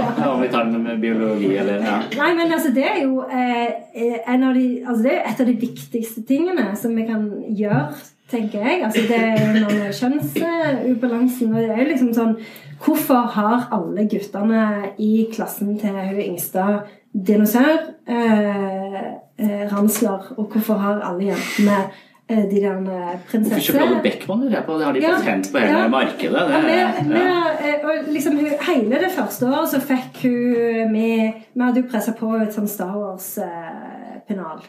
Eh, og det eh, har hun ikke noe valg om å ha. Eh, og det hele første klasse spørsmål. Hvorfor har du Star Wars-pennal? Hvorfor har du Star Wars-pennal? Det er midt i stress for spørsmål hele tida. Og, det, og, og, og da, da betyr det jo at ingen er da, da, er du, da er du For det første så er ikke foreldrene obs på det, og for det andre så, så blir det ikke liksom altså Da er det bare etablert at sånn er det. Rosa og blått. Ja. Eh, og når, på 70-tallet når jeg vokste opp, så fantes det jo ikke Det var jo ikke HM delt inn i gutteavdeling og jenteavdeling på klær. Det var jo liksom én avdeling, og du kjøpte klær som passet. Mm, ja. Ja, det, det kan en, en annen ting som jeg tenkte på, det der med, som jeg diskuterer mye med, med folk eh, rundt meg i jobbsammenheng, det som skjer i barnehagen. Altså det der hvor hun eh, eh, Der er jeg litt på Ingrid Winther sin side. Men det er, veldig, det er ikke riktig vi, vi, hva, hva sier du til barnet ditt når du kommer hjem og sier at ja, han og han slo meg, eller gjorde det og det? Da skal du gå og sladre til en voksen. Sier man det? Eller, eller Jeg mener jeg har en del eh, eh, pasienter som har vært i den situasjonen hvor de fikk beskjed om alt de sier til en voksen, men de voksne gjorde aldri noe. Så de har vært et offer hele livet, og de har fortsatt et, eh, identifisert seg med den rollen. og de, de på en måte hadde jeg bare slått den ene gangen, så hadde det kanskje stoppa da. Litt sånn som ondskapen av Jan Guillou. Eh, hvor han sier ja, du må bare kline til med en gang. Det er det eneste riktige å gjøre. Eh, hvis ikke så blir du plaga resten av Jeg husker ikke akkurat den situasjonen i barnehagen, men det er noe hvor han kaster noe tilbake, og, og Ingrid Winther tenker ja, det var, eh, var bra. Eh, og da var jeg litt på hennes lag, følte jeg. Det, det syns jeg var eh, Jeg vet ikke, jeg hadde ikke sagt til dattera mi slå tilbake, eller slå, men jeg hadde liksom heller ikke man må stå opp for seg selv, på en måte. Eh, så, så den pedagogisk riktige måten å gjøre det på er kanskje ikke fullt så Jeg vet ikke hva man tenker om det. Eller, Nei, er ikke dette farens strategi? Jo, det er faren Eh, ja, er ja, ja. ja, ja. Eh, Så kjønnsstereotyp i bøkene her, altså. Men hun er enig igjen. Til slutt Ja. Ja, hun er enig. ser Ja. at resultatet blir Ja, det her stemmer, det. Ja. Ja. Ja, for um, uh, Ja. Eh, men, men hva vil være ditt tips da til, til eh, å Nei, hva, jeg tenker på den Back to the Future. Jeg husker ikke akkurat det, men der, der er han på en måte Det er et eller annet tilbake for å endre noe med sine egne foreldre. Uh, og det er en sånn klyse som driver og plager dem da også. Og så gjør det et eller annet, mm. slår, gjør et eller annet i den situasjonen. Og så går han tilbake til fremtiden. Uh, og da er han der så mobberen Han er en slabbedask, og sånn, mens, mens den familien hans er liksom veldig Har det kjempebra. Og, så det er sånn en, noen ganger så tenker jeg at eh, livet vårt kan gå i den eller den retningen ut fra én situasjon. Hva gjorde du i den situasjonen? Eh, fant du deg i det, eller eh, sto du opp eh, for deg selv? Så jeg føler noen ganger det er sånne sentrale situasjoner. Jeg husker sånne sentrale situasjoner fra mitt liv hvor jeg visste at eh, hvis ikke jeg nå går til motangrep her, så kommer han til å behandle meg sånn som han behandler alle de andre. her. Så dette er et være eller ikke være. Jeg tror ikke jeg tenker det eksplisitt. Jeg bare husker frykten. Jeg husker eh, behovet for å stikke av. Men fornemmelsen av at dette er feil. Eh, Så det er litt der den, i den boka er, som, eller i barnehagen, hva, hva gjør og da er det type mannen da, som har det perspektivet slå tilbake, så det ikke blir Ja. ja. Ja, jeg tenker at det, det er jo litt sånn Det er typisk sånn eh, Altså, jenter ble jo opplært i å være flinke eh, fra veldig tidlig tidspunkt. Og det er jo derfor I boka da så er det jo Hun blir satt sammen med en sånn fyr som heter Vetle, som Ja. selvsagt er liksom kjempestor. Eh, og, og da er det jo fordi at hun er flink, da. Fordi jeg vet at hun kan liksom Hun er jo ord, ordklok, da. Han er kroppsklok. Bokstavklok. Han er kroppsklok, Ja, dessverre. ja, det, ja, det var det de har. Ja, er ja. Kroppsklok, ja. Ja. Eh, Voldelig var det. Ja. Ja. og, og, og derfor så, så um, eh, og, og min erfaring er jo at, det, at jenter er veldig flinke. Uh, men igjen så tenker jeg det er jo mye kulturelt. Uh, og det er jo liksom det der med å Du sier ja, liksom. Så jeg har en venninne som liksom mener at hun sier ja. Altså hun, hun er en verdsatt kollega fordi hun sier ja til alt. Men samtidig er hun ikke verdsatt fordi hun sier ja til alt. Sånn hun mener at det, en del andre kollegaer de eh, eh, sier gjerne, spesielt menn, da, de sier nei, liksom, jeg kan ikke det, for jeg skal noe. Mens hun sier bare ja. De antar at liksom, hun kommer til å si ja. Så det var liksom litt det da jeg tenkte på. Med, Blir du usynlig oversett hvis du bare føyer deg? liksom, ja, ikke usynlig oversett, men liksom du, du, du, du kommer inn i et mønster som du liksom fortsetter em, eh, for alltid, da. Eh, så, så dette var, var Så jeg hadde lyst til at på et tidlig tidspunkt i en, en ung kvinnes liv, da, og så, og så på en måte stoppe eh, den prosessen, da. Som jeg tror er litt viktig. Eh, for det er jo liksom det der med at eh, ja, jenter jo, de er jo veldig lett eh, at de eh, de sier ja, og så gjør de det de har blitt fortalt, og så øver de på prøvene, og så eh, får de liksom eh, sammenbrudd når de er 15 og får to år på en fransk prøve. Eh, for liksom, hva, hva skjedde nå, liksom? Eh, altså, så det var litt det der med og det er jo litt det der med prestasjonssamfunnet òg, liksom. At eh, med unge mennesker liksom De, blir, de kommer veldig lett inn i et sånt et spor som, som, som, ingen, som de ikke kommer ut av. fordi det er jo veldig fint hvis jenter er flinke. Da er det veldig bra for alle. Det er veldig bra for samfunnet, det er bra for, for guttene, og det er bra for de sjøl, og det er bra for foreldrene. Så det var liksom litt det, da. Eh, og Og det er- bryte eh, Ja. der. Det, Ja. det er jo det min hverdag går ut på også. Det er jo egentlig eller, Men jeg, jeg, for jeg er helt enig i at vi har hjelmer og og det tenker jeg på når, når dattera mi lærer seg å svømme, så tar jeg bølgen, liksom. Og når hun lærer seg å sykle, så applauderer jeg og trampeklapp.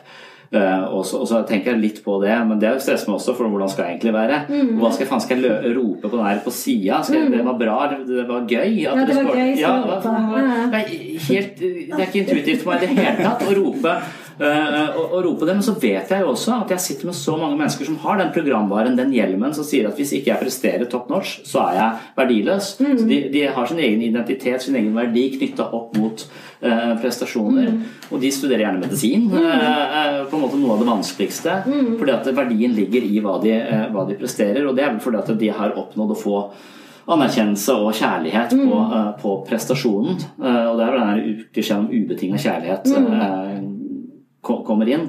Så, så det er derfor håpet, det at jeg brakte inn den gjeldmetaforen, er fordi at jeg, min erfaring er jo at det er mulig, men veldig vanskelig å endre programvare i sitt eget psykiske operativsystem. Og det er en veldig øh, vanskelig prosess. For selv om du kan si ja, men hvis du tenker annerledes om det, eller hvis du forholder deg mer selvhevdende og tar mer plass og gir deg selv mer verdi, så blir livet ditt bedre. Men de opplever ikke det. De opplever at det er kjempeskremmende. Og når jeg gjør det, så ser folk plutselig helt annerledes på meg. Jeg vet ikke hvem jeg er lenger. Så får man tilbake i, i, i de gamle mønstrene. Så folk kan jo ofte endre seg i gruppeterapi, som jeg sitter i hver dag. Men når de kommer hjem, så sier folk at det, eh, eller så på en måte presses de tilbake i de vante mønstrene. For de hjemme har ikke bedt om denne forandringen. De har ikke bedt om at de skal bli friere eller uttrykke seg mer eller eh, gjøre det de er på en måte de, de så, så, så de klarer det i én setting, men så er det veldig masse krefter rundt oss som trekker oss tilbake til, det, til, til det samme utgangspunktet. Så dermed så er denne håpet mitt om denne hjelmen er at vi skal få en eller annen sånn quick fix som gjør at vi skal slippe å bruke så jækla lang tid på å, reprogrammere oss selv eh, pga. alle de feila som jeg som forelder installerer i barna mine nå når de vokser opp. Ja. Eh, som jeg er klar over hver Ja, ja. dag at jeg gjør. Ja, ja, ja. Mm. Men jeg tenker at det med den der, den denne prestasjonshungeren, da, det er jo òg en del av den der velstandsklemma. fordi Mm. de òg vet jo at de Altså, de vet jo liksom Selv om du ikke sier det til dem med at liksom Ok, her får du ti døde babyer med denne iPaden, så vet de jo de, Det ligger jo der hos de òg. Altså, de er jo ikke helt eh, historie. De følger jo med på ting òg. Eh, så dette, og- så dette det med prestasjoner så Du vet jo som barn og som ungdom og som eh, ung voksen at du har alle muligheter. Og det òg er jo en del av den velstandsklemma. At hvis, okay, men hvis jeg ikke får det til, så er det jo egentlig min feil. For alt ligger jo til rette for at jeg skal klare det. Jeg har foreldre som har vært fotballtrenere hele livet. Jeg har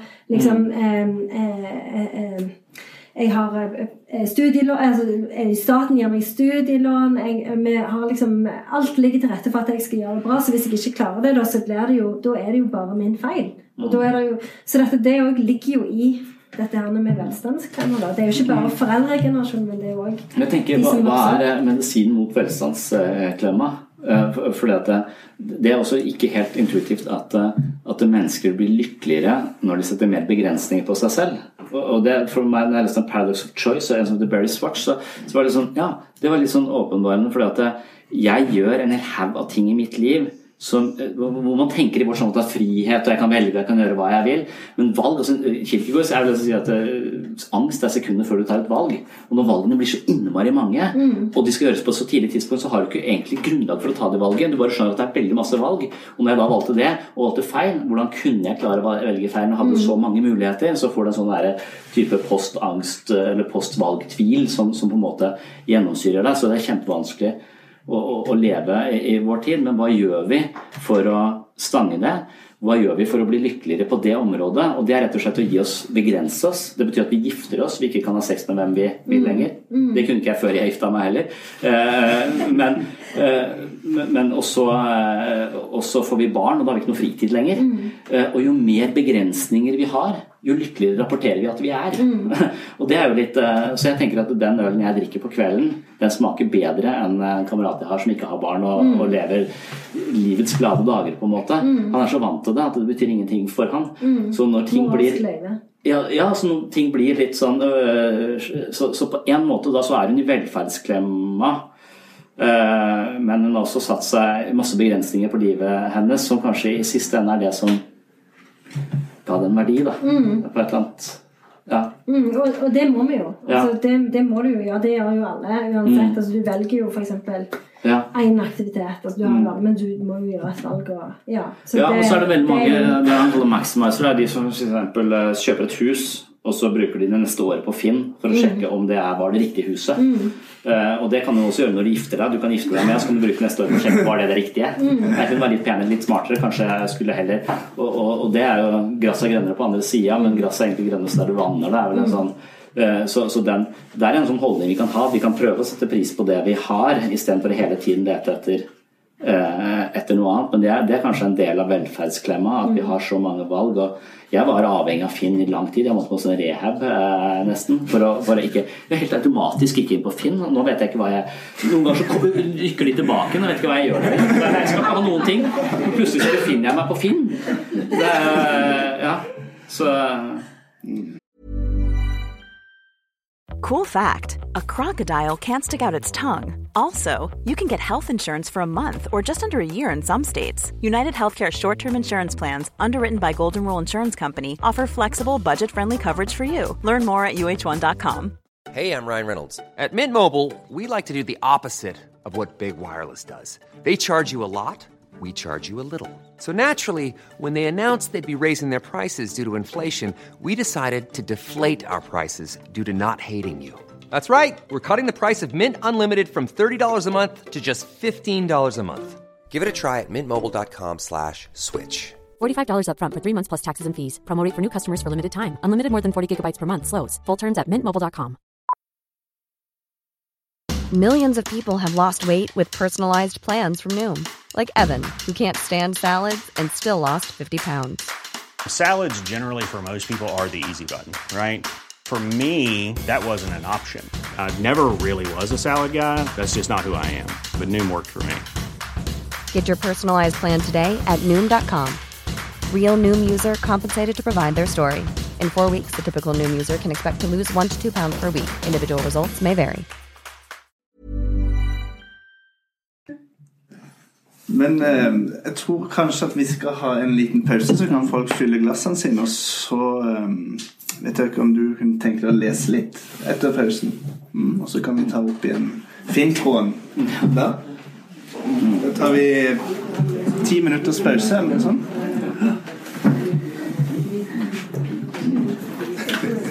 Du, du går automatisk inn på Det er som et tics. Er et slags Tourettes-syndrom for uh...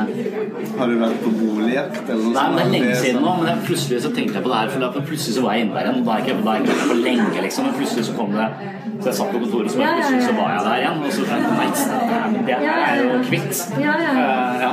Ja. Så det er en slags Ja, for det er tilbakefall. særlig hvis du har vært på bordet så er du jo inne der liksom det, Ja. Det er så tungt Det finnes etterpå. det, liksom, ja, jeg må sjekke hva som finnes, liksom. Og så er det jo bare de samme tingene som var før, liksom. Vil Ing- Ingrid Winther vil være litt mer sånn rocka, da, på en måte. Eller hun vil være litt mer, for hun er impulsiv. Hun Mm. kjøper jo et hus eh, til godt over en million over takst. Ja, men- Ja, men jeg tror det er litt sånn, sånn som du snakket om, liksom at det, det er jo litt fordi at hun tror liksom at det, Altså selv om hun er på en måte imot Altså hun, hun abonnerer ikke på det synet på tilværelsen, så er det likevel sånn at du tenker at det, For det er jo den andre historien om et hjem, liksom. Er av. Eh, så da tenker du liksom at jo, jo, i vårt samfunn så kan du jo du kan jo kjøpe ting, liksom. Så da kan du jo sikkert kjøpe et hjem. Så hvis du ser noe som ligner på det som jeg har tenkt ser ut som et hjem, så, så er det jo sikkert det. Ja. Men kanskje jeg kan eh, Kanskje jeg kan lese den. Den er ikke sånn kjempelang. Jeg har sånn økonomiangst selv. Så, så akkurat det partiet var noe av det mest angstproduserende i Ja, hele ja. eh, boka. Jeg hadde sånn angst når jeg leste Ja, det er så sært. Det er så vondt å lese. Og det var så utrolig vondt å skrive. Eh, Jeg bare jeg skrev det så mange ganger. For liksom å få det til å bli litt morsomt.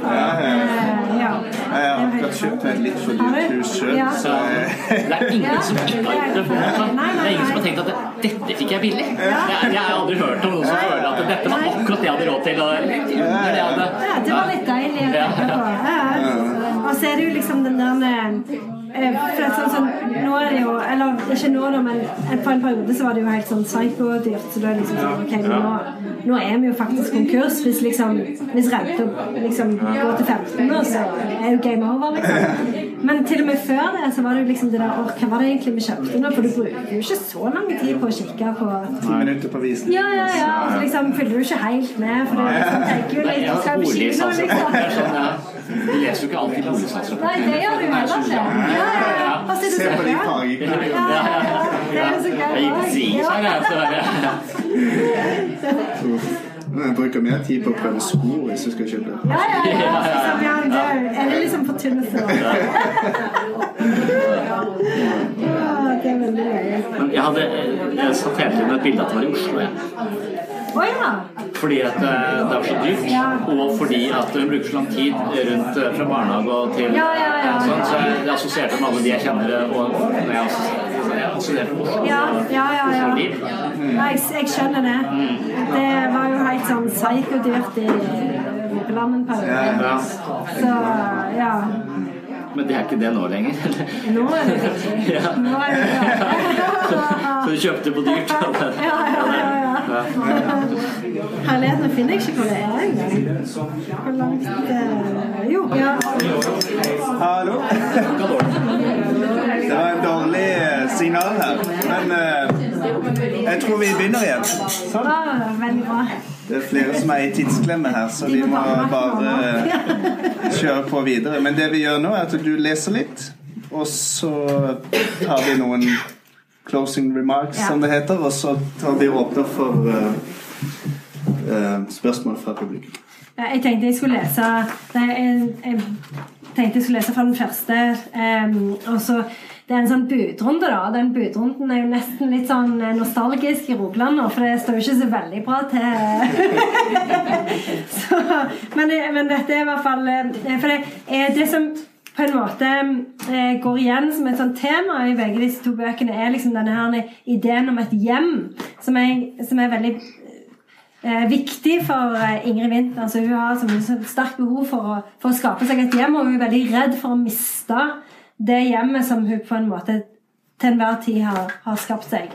Eh, og, og eh, hun har jo funnet et hus da, som, som, ligner veldig på et sånt et hus i Astrid Lindgren, og det må jo være liksom, det optimale hjemmet. Så da må du jo på en måte eh, gå til litt sånn Da må du skaffe deg det.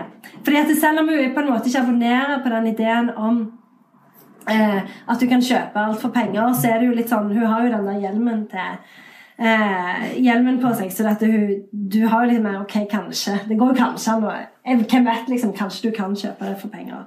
Så det er det hun har planlagt å gjøre nå. Og eh, Bjørnar som er gift med, han er i retten, så han, hun har fått eh, av ukjente grunner har hun fått eh, ansvaret for, for denne budrunden, da.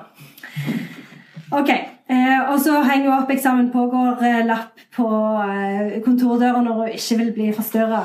Eh, og etter at denne boka kom ut, så var det liksom eksamen pågår-lapper på Universitetet i Stavanger overalt. Så det har aldri vært så mange eksamener som har pågått som det halvåret etter det. da. Mandag morgen hengte jeg igjen opp eksamen pågår-lappen før jeg satte meg ved pulten og liksom jobbet. Da megleren endelig ringte, var det tydelig at han allerede begynte å bli lei av hele interessentlisten. Vurderer dere bud? spurte han med flat stemme. Vi tenker på det, sa jeg. Er det kommet inn noen allerede, kanskje? Ett. På 6 850 000. Hvor lenge står det? Fram til klokken tolv. Jeg ba ham om å ta kontakt, skulle det komme inn flere før den tid, og bare fem minutter etterpå ringte han igjen. Vi har fått inn et bud på 7-1. Hva? Så mye? Er det noen andre med? Ja, svarte megleren. De som ga det første budet, har tenkt å legge inn et nytt. Hva sier du? Jeg legger på 50 000, sa jeg. Og så sendte jeg en melding til Bjørnar. La inn bud på 7150 for å se hvordan det går. Avtalen var at vi skulle gi oss på prisantydningen, som var 7 250 000. Hvis vi går over det, sliter vi, hadde han konkludert etter å ha regnet seg gjennom budsjettet vårt tre ganger. For da har jeg ikke lagt inn så mye til uforutsette utgifter på huset. Det så riktignok velholdt ut, men samtidig er det nesten 100 år gammelt, så vi må regne med at det kan dukke opp ting. Til min fortvilelse hadde jeg knapt sendt meldingen før noen andre la på nye 100 000, og så la noen på 50 000 oppå det. Jeg gikk inn på bankens lånekalkulator for å finne ut om vi kanskje likevel hadde litt å gå på, men den viste bare fram astronomiske beløp som virket abstrakte og virkelighetsfjerne, og som jeg ikke kunne skjønne hadde noe med meg å gjøre.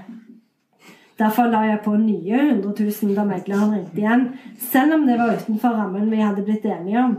For det var jo slett ikke sikkert at vi måtte ut med noen penger til reparasjoner med det første. Og Bjørnar var alltid så forsiktig. Nå var det opp til meg å sikre fremtiden. Slik fortsatte det en stund til.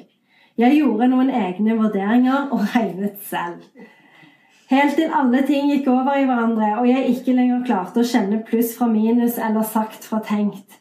Og da megleren ringte for å gratulere, var jeg usikker på hva han mente. Det satt langt inne å gi seg, men de andre hadde allerede budt 100 000 over maksgrensen sin, sa han. Så nå er objektet deres. Jeg så ned på papiret hvor jeg hadde prøvd å notere hvor mye budene lå på til enhver tid. Men etter 7,5 ble skriften uleselig, og jeg syntes å ha gått over til å tegne hobbiter i stedet. Jeg vurderte om det var greit å spørre hvor mye vi hadde endt opp med å gi. Det var det antagelig ikke. Vil dere snakke om overtakelsesdato nå, eller skal vi ta det på kontraktsmøte? Jeg vet ikke helt. Kanskje jeg kan ringe deg senere? Tipp topp. Jeg la hodet på pulten og prøvde å tenke. Hva var det siste budet jeg kunne huske? Ingenting. Utenom det budet som skulle være det aller siste. Og det var 7250. Og på lappen sto det 75. Og det var altfor mye. Og det var også mange minutter siden. Mange, mange, mange minutter. Jeg ringte eiendomsmegleren og sa at jeg het Anne Undheim og lurte på om det huset var solgt, og hva det eventuelt hadde gått for. Jeg er ikke sikker, svarte sentralbordmannen, men jeg kan sette deg over til ansvarlig megler. Helst ikke, skyndte jeg meg å si. Kan du ikke bare høre? Jo, vent litt. Pause. Det gikk for 8 200 000. Jeg konsentrerte meg om pusting. Det var forferdelig viktig å puste. Hjernen måtte ha surstoff for å leve. Derfor pustet jeg inn og ut og inn og ut helt til klokken var tolv og Bjørnar ringte. Nå er det pause her, informerte han. Har budrunden startet? Ja. Hva ligger det på? Den er over. Er den over? Ja. Oi! Hvor mye gikk det for, da? 8-2. 8-2! Han lo, og jeg kunne se for meg at han ristet på hodet. Håper kjøperne har mye penger.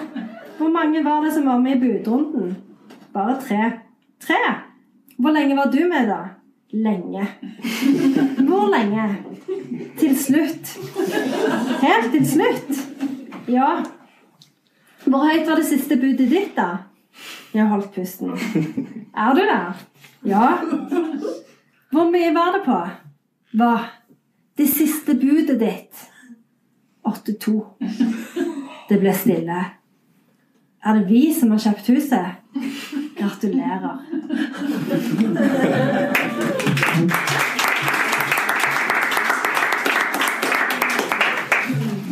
Tusen takk. Tror det var mange her som kjente seg igjen i velstandsangsten.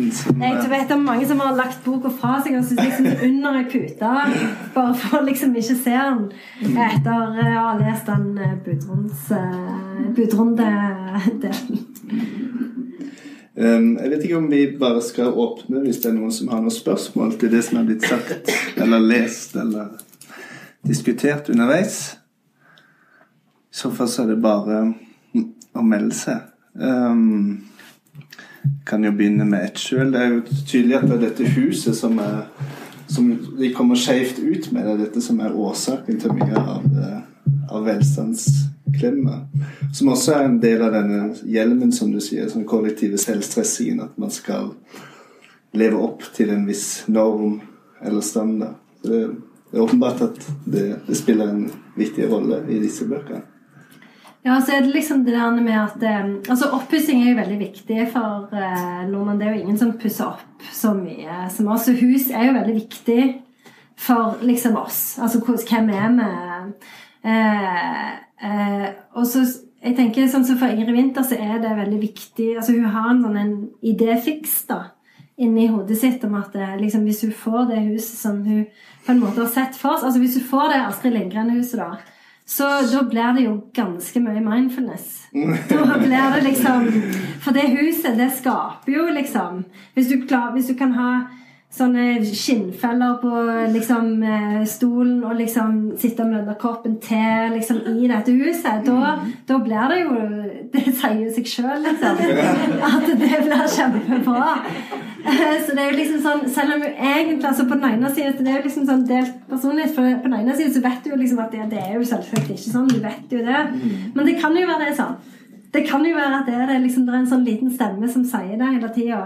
Eh, så, så jeg tror for huset er det ikke nødvendigvis det der med å eh, Jeg tror ikke for huset er det nødvendigvis sånn å vise omverdenen at liksom, jeg har klart det, eller liksom å virke for det, det, Men det er jo selvsagt Det kan jo være en del av det. Men for huset tror jeg det er mer det at liksom Det er jo liksom det der med Hvorfor kjøper vi ting? Det er jo fordi at vi tror liksom at når vi har kjøpt den tingen, så blir vi lykkelige. Så hvis jeg kjøper liksom den altså, du, du, du, vet jo at det ikke er sånn, men likevel så er det jo liksom det der med at du blir oppmuntra som forbruker til å kjøpe ting. og, og når du, eh, Men så blir du ikke lykkelig, og så må du kjøpe flere. Altså, det er jo det forbrukersamfunnet går ut på. Så huset er jo bare på en måte den ekstra dyre tingen, da. Det er vel det Freud kaller lykke, det er når man oppfyller et barndomsønske. Ja. Mm. Er Når man flytter inn i Lingren-huset. der. Jeg, jeg tenker at jeg bruker mesteparten av min tid på å flytte på ting som jeg eier. Uh, jeg rydder veldig masse i ting som jeg, som jeg har, altså, og, som jeg har for mye av. Uh, Så jeg, jeg bruker hele livet mitt på det. Det er liksom Mm. fortærende å tenke på. I et hus som var litt for dyrt. Ja, ja, ja. Eh, og så kjøper jeg nye ting. Ja. Ja, ja, Så, ja. For det kan jo være at det er lurt, liksom. å- ja.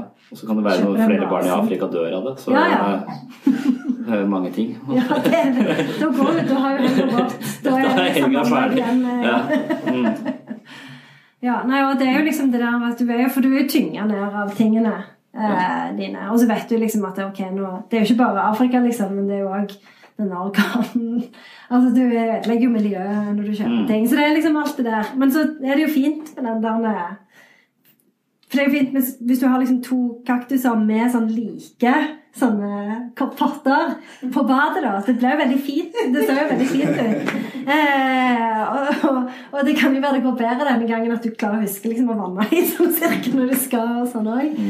Så det er jo liksom det er jo veldig fristende. Og, og, liksom, og bruker du hele lørdagen da til å støvsuge og vaske badet og liksom er veldig sliten, og så tar du et glass vin liksom, på slutten, og så er du veldig tilfredsstilt. Men da har du jo brukt Ja. hele lørdagen til å rydde. Liksom. Det kunne jo være andre ting også som du kunne ha Gjort hvis du ikke hadde eid alle de tingene liksom, så du måtte rydde. Og en kamerat som var avhengig av å kjøpe eller kjøpte så mye på nett, og det bare balla på seg, helt til han hadde kjøpt en elektrisk såpedispenser.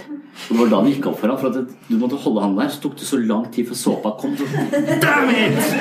Da skjønte han at elektrisk såpedispenser trenger du ikke, altså. Da, det var da han gikk opp for ham at dette var en, eh, en slags avhengighet, eller noe han fylte livet sitt med, som, eh, hvor han egentlig burde fylt med noe annet.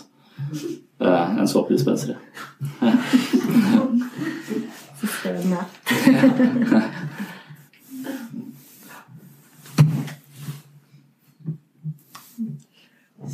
Du har et spørsmål. Ja. Um, det er egentlig litt tilbake til det dere snakket om helt i starten. Dette med den hjelmen og at du skal programmeres til å ha det sånn og slik. Uh, og da har vi det bra. Så tenker jeg, Litt sånn banal digresjon, men ehm, vi er jo opptatt av å lære barna våre litt det motsatte. Og nettopp kjenne på følelsene sine litt. Altså referanse til innsiden ut, med å kjenne på sinne, kjenne på frykt og kjenne på avsky. Og litt det du sier, i hvert fall, det at man skal mindfulness, at man skal parkere en del følelser, leve her og nå, ikke kjenne for mye etter, ikke føle for mye. Og jeg tenker, det, Hvor er det skiftet? Altså Vi lærer barna våre at dette er viktig. Eh, For å kunne eh, kjenne på glede, så må du ha kjent på de andre, andre følelsesaspektet. Eh, og, Ja. og liksom Det, det vanlige, den vanlige terapeutiske ideen er at hvis vi har språk på følelsene våre, eh, så blir det ikke til hjertebank. Eller vondt i magen eller vondt i hodet. Så det som er å vokse opp, er, handler jo egentlig om å få en slags mentalisert evnen til å forstå sitt eget sinn og hvordan vi konstruerer våre egne opplevelser. For hvis jeg ser følelsen, hvis jeg forstår følelsen, hvis jeg kan gi det et navn, så vil, jeg ikke, vil jeg ikke fanges av den. Den blir ikke til kropp. Så mitt eksempel var når jeg var på babysang og på en måte kroppen min reagerte som om jeg var i Syria. Uh, og så er jeg bare et rom med 16 damer som nynner. Men jeg, jeg er liksom bare men, men jeg har men kroppen min er på alarmberedskap i en ufarlig situasjon. Og jeg vet ikke hva som skjer. Og da var det Knausgård som eh, skrev om det samme. Han mente at eh, menn på babysang står i fare for å bli impotente og miste sin maskulinitet. Og det er ikke sikkert det er riktig, men det ga meg et språk. Og det er det som for meg skjønnlitteratur er helt fantastisk øh, for det, for at det gir det er mennesker som har så mye språk på, på hva som foregår i meg også. Og det er en slags Det gir meg et språk på hva alt som foregår i meg. Så jeg kan kjenne meg igjen i Ingrid Winther, og derfor så blir litt lettere for meg nesten øh, å lese det. øh, på en måte. Så, så det å se følelsen, beskrive følelsen, det er Vestens psykologi, mens Østens psykologi er mindfulness. Du skal du skal ikke på en måte analysere følelsen eller forklare hva den heter. eller noe sånt. Du skal bare hvile som en observatør til det. Så mens i Vesten beskriver vi oss selv.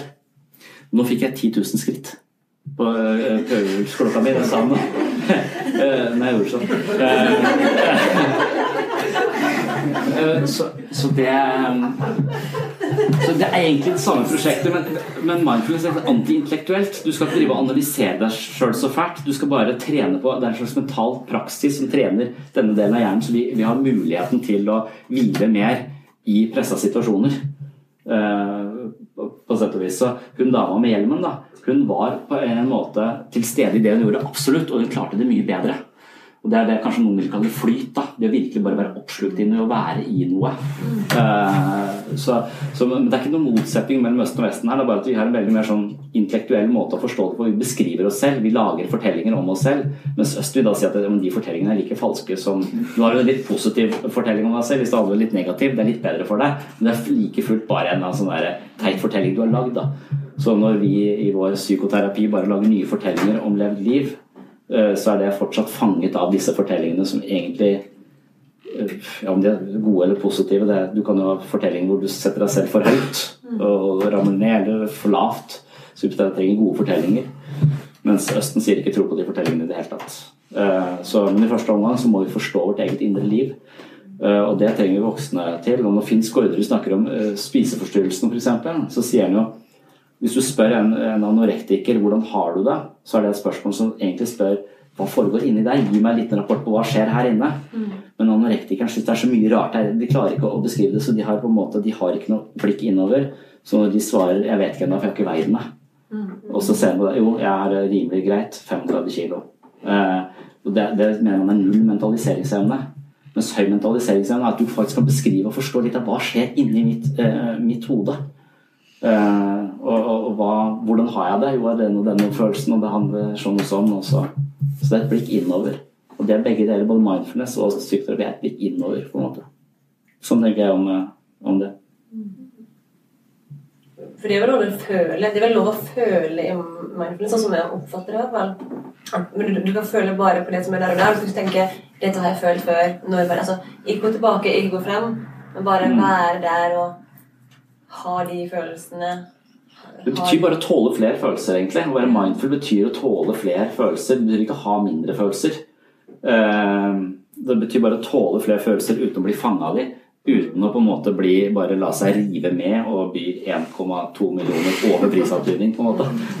Eh, For da, da er du fanget. Eh, Og det er vi hele tiden, og det blir vi eh, av eiendomsmeglere. Eh, Og Astrid Lindgren. og Astrid og alt mulig rart. Vi fanges hele tiden, så det er vel bare en mental muskel vi trener på. kanskje. Hvis vi har litt mer av den, så kanskje vi tar noen bedre avgjørelser i, i livet vårt. Kanskje klarer å For meg så handler det mye om, eh, om å liksom reagere adekvat på barn. altså At jeg ønsker å være en god pappa, men jeg syns til jeg blir for sint. Eh, og, og, da, og vet jeg at da går jeg på jobb, så hater jeg meg selv resten av dagen, og så blir det sånn sånn så, så, skulle, så, så på jobb er jeg like mye for meg sjøl, liksom, for å finne ut av hvordan, hvordan kan vi på en måte håndtere de situasjonene hvor vi er liksom fanget annerledes. Og Det ser jeg litt på som sånn mental styrke, eller sånn fysisk styrke eller mental styrke. Jeg går på helsestudio. Først gjorde jeg det for å få store muskler, men nå er jeg gift, nå driter jeg i musklene mine. Nå, nå er det bare for ikke dø for tidlig. Så det er grunnen til at jeg trener. Eh, Jeg er redd for å dø. Og mindfulness for å bli en bedre pappa. Men det er jo veldig interessant, for det viser jo liksom hvor utrolig viktig det er med fortellinger. Altså det, alle de der fortellingene som vi forteller oss sjøl. Sånn, det er jo eh, den boka 'Great Expectations' av eh, eh, Charles Dickens. Der er det jo en sånn en, eh, Hovedpersonen han, han forteller jo historien om sitt liv til leseren. Og så, og så tror du som leser til å begynne med at, du, at det er en slags sånn eventyrfortelling hvor liksom han skal ende opp med prinsesse og halve kongeriket. Men så innser du sånn litt over halvveis, omtrent samtidig som han innser det sjøl, at det, det er jo en helt annen fortelling du egentlig er i. Altså, så det er jo liksom det der med å på en måte være obs på de fortellingene som du forteller deg sjøl òg, og så liksom være obs på ok, hva, hva fortelling eh, ønsker jeg å være altså du, du ønsker å være én fortelling, og så er det en fortell, annen fortelling altså Det er mange fortellinger som foregår samtidig, da, og liksom når på en måte fortellingen har tatt kontrollen over deg, da, og være obs på hva fortelling du er i, og hva fortelling du tror du er i. da. Det er utrolig interessant, syns jeg, for det, og, det er jo enormt viktig å liksom vite hvor enormt viktig fortellingen er mm. for oss. Og Derfor var det, synes jeg fantastisk å lese de to bøkene, fordi jeg kjente meg så mye igjen. Og det gjorde meg mer bevisst mitt eget liv. Eh, eh, Så det er en hjelp i et, et, et, et språk som noen andre har fortalt, som ligner litt deg selv, på en måte. Sånn at du for ja, Det er jo en slags selvbevissthet i det. Mm. Eh, Så, så selv om det er en morsom sånn bok, så er det likevel en bok som minner meg på mitt eget liv. Og det syns jeg og det, det vet ikke hvordan det hadde vært uten, men alle sånne små ting hjelper meg kanskje å være litt mer bevisst i neste gang jeg er i en budrunde, eller, eh, Eller hva det måtte være. da At jeg husker eh, den angsten jeg hadde når jeg leste om hennes For da hadde jeg høy angst, faktisk, når jeg leste det. Så jeg, ja, for jeg har jo økonomiangst. Jeg er redd for store summer. Eh, ja. Mm. ja, så det er kjempe Men er dette noe nytt? Det vel, velferdsklemmer? Velstand? Velstand. Velstand? Jeg vet ikke hvem som fant på. Var det du? Du, jeg så det i en anmeldelse. Uh, og så syns jeg det var bra. Mm. For hun er så klemt, og det er så viktig med tingene. Og det er så viktig å måle seg mot andre, og så er hun stressa. Og, så. Mhm. og så er det så fint å ha bare ett ord som til på arrangementet. Ja, ja, ja. Men det, For det er jo fortellingen om dette arrangementet. Ja. Mm. Men er det, tenker vi at det er liksom en spesiell alder Vi snakker mye om barn. Jeg kjenner meg veldig igjen i eh, mye av det. Og det at man ikke strekker til, og at man har så mye, og du skryter over hvor mye du Eller hvor dårlig tid du har, eller hvor Mm. lite du sover, hva det måtte være. Eller uh, unnskylde seg for det. Mm. Men er det spesielt barneforeldre, og er, er dette her noe som er for vi, vår generasjon nå? Eh, eller kjennes det igjen fra Det er jo noen eldre her også. Er, er- er det fra tidligere av? Er det noe som har kommet nå? Ehm, og jeg vet, hvorfor eventuelt? Hva, hva er det som er annerledes nå? Altså når vi vokste opp, vi hadde også mange aktiviteter. Mm. Forskjellen som jeg kan se, er jo at kanskje ikke våre foreldre var til stede der. Mm. Vi sykla litt sjøl, eller Ja, for det er jo liksom, liksom sånn eh, Jeg leste en artikkel for en stund siden om det der med at nå alltid står og ser på dem når de holder på. Eh, så liksom, sånn som hun eh, Porte, da, hun var jo liksom sånn I går skulle hun på fotball, og så hadde hun andre kamp. Og så skulle jeg se på huset til kamp, da, for kamp ser du jo på. Det er liksom greit. men, jeg, liksom, jeg, men du må jo se på deg og trening, liksom. Så liksom så, øh, jeg må jo ikke det. Føler deg ganske dum når du står der liksom med ti andre foreldre og ser på, liksom. Og så selvsagt så begynner de å sykle og sånn når de er eldre. Men det var jo ingen foreldre som sto og så på. Eh, og, og liksom Og det er jo sånn så eh, det med liksom, av sommeravslutninga òg. Da var liksom så, fotballtreneren sa 'ha det, god sommer', og så liksom nå er det sånn, nå må du ha avslutning og gjerne liksom eh, reise til et eller annet sted. altså Laget må reise. Liksom. Altså, så, det, eh, så jeg tror nok det har nok blitt skrudd litt mer opp til 11. Eh, eh, fordi, og jeg tror at det liksom har noe å gjøre med at det er mer velstand nå. Eh, så eh, Sånn som foreldrene mine, de, de drev butikk, liksom. De, og det var bare de to som drev den butikken. De hadde ikke tid å liksom drive med alt det der greiene. Eh, så, så det er vel kanskje litt sånn som du sier, liksom at vi har, vi har kanskje litt bedre tid. Jeg vet ikke. Men, men fall, eh, samfunnet har i hvert fall endret seg nå. Eh, og det er mer velstand, og vi føler vi har vi, liksom, vi, det er jo, vi bor jo verdens rikeste land, så vi kan jo gi dem alle disse tingene. Eh, så jeg tror nok det har litt med den hjelmen å gjøre. At du liksom, det er en annen type fortelling vi, vi bor i nå, hvor du faktisk eh, Altså, de, de, skal bli, de skal bli gode. Altså, vi skal legge opp alt til rette, sånn at de kan bli eh, gode mennesker og liksom få det, ha det bra. Ja. Så har vi vel sikkert mer informasjon. At vi, vi akkumulerer hele tiden informasjon, så vi, vi vet mer om ting. Og det sier noen ganger øh, pasienter til meg sier, Å, hadde jeg bare visst dette før, så kunne jeg gjort annerledes. Jeg underviser i utviklingspsykologi. Eh, så hadde jeg bare visst dette før, så kunne jeg gjort det annerledes. Og så da tenker jeg ja, du er heldig som ikke visste det. Jeg har visst det hele tiden, men jeg gjør ikke annerledes. Så det er mye verre for meg som visste det. Og for at jeg, min, jeg feiler på en helt annen måte enn du. Jeg feiler veldig informert om hva jeg gjør feil. Eh, Det gjør ikke du som levde i i ignoranse. Du trodde du gjorde det beste hele tiden. Men det viste seg at det var ganske galt, da. Men det visste du ikke før nå. Så dessverre så fikk du for Ja, så jeg tror bare at vi vet så mye om hvordan ting burde og skulle være, osv. Så, videre. så, så, så jeg vet ikke om vi bare da Kravene hele tiden øker, for nå er vi der, nå skal vi videre. Så. Det var et spørsmål bak der. Jeg tror du sånn tok litt av ordet for meg. for Det er jo noe med informasjon og utvikling. Eh, Og jeg tenker liksom, i alle fall jeg ser tilbake og, så, og tror nå de teoriene du snakker om, så tenker jeg litt kognitiv terapi. Gry Stålsett knapt om skammens. Eh, Og det er jo nye begreper for å egentlig sette ord på det med mennesker jeg har følt og kjent hele veien. Men vi hadde jo ikke læring i å uttrykke det, iallfall ikke i min tid. Eh, Vi hadde ikke informasjon om det, men følelsene tror jeg er nokså like. Hvis du møter barn i dag, og jeg skal de fortelle, så kan jeg nok kjenne igjen følelsen da jeg var liten. Ble avvist, eh, altså ikke følte deg god nok. Altså alle disse Ja. begrepene. Så det, det du snakker, det du formidler med din bok, oppfatter det riktig. At det er egentlig en holdt på å si, allmenn av det å være menneske, altså. Og så er det de mekanismene vi blir påvirka av. Og så er det de ulike retningene, skjønner det riktig, som sier noe om hvordan vi kan håndtere utfordringene. Har verktøy til å Mm. Hvordan, hvordan manøvrerer du i en verden som hele tiden skal ha oppmerksomheten din? For det har gått opp til oppmerksomhetsøkonomi på en måte. Og både Google og Facebook og Apple har uh, tusenvis av mennesker som hele tiden finner ut av hvordan skal jeg stjele mest mulig av din tid i løpet av en dag. Og en, når, en gjennomsnittsperson i USA sjekker smarttelefonen sin 150 ganger uh, hvis du er mellom 25 og 30.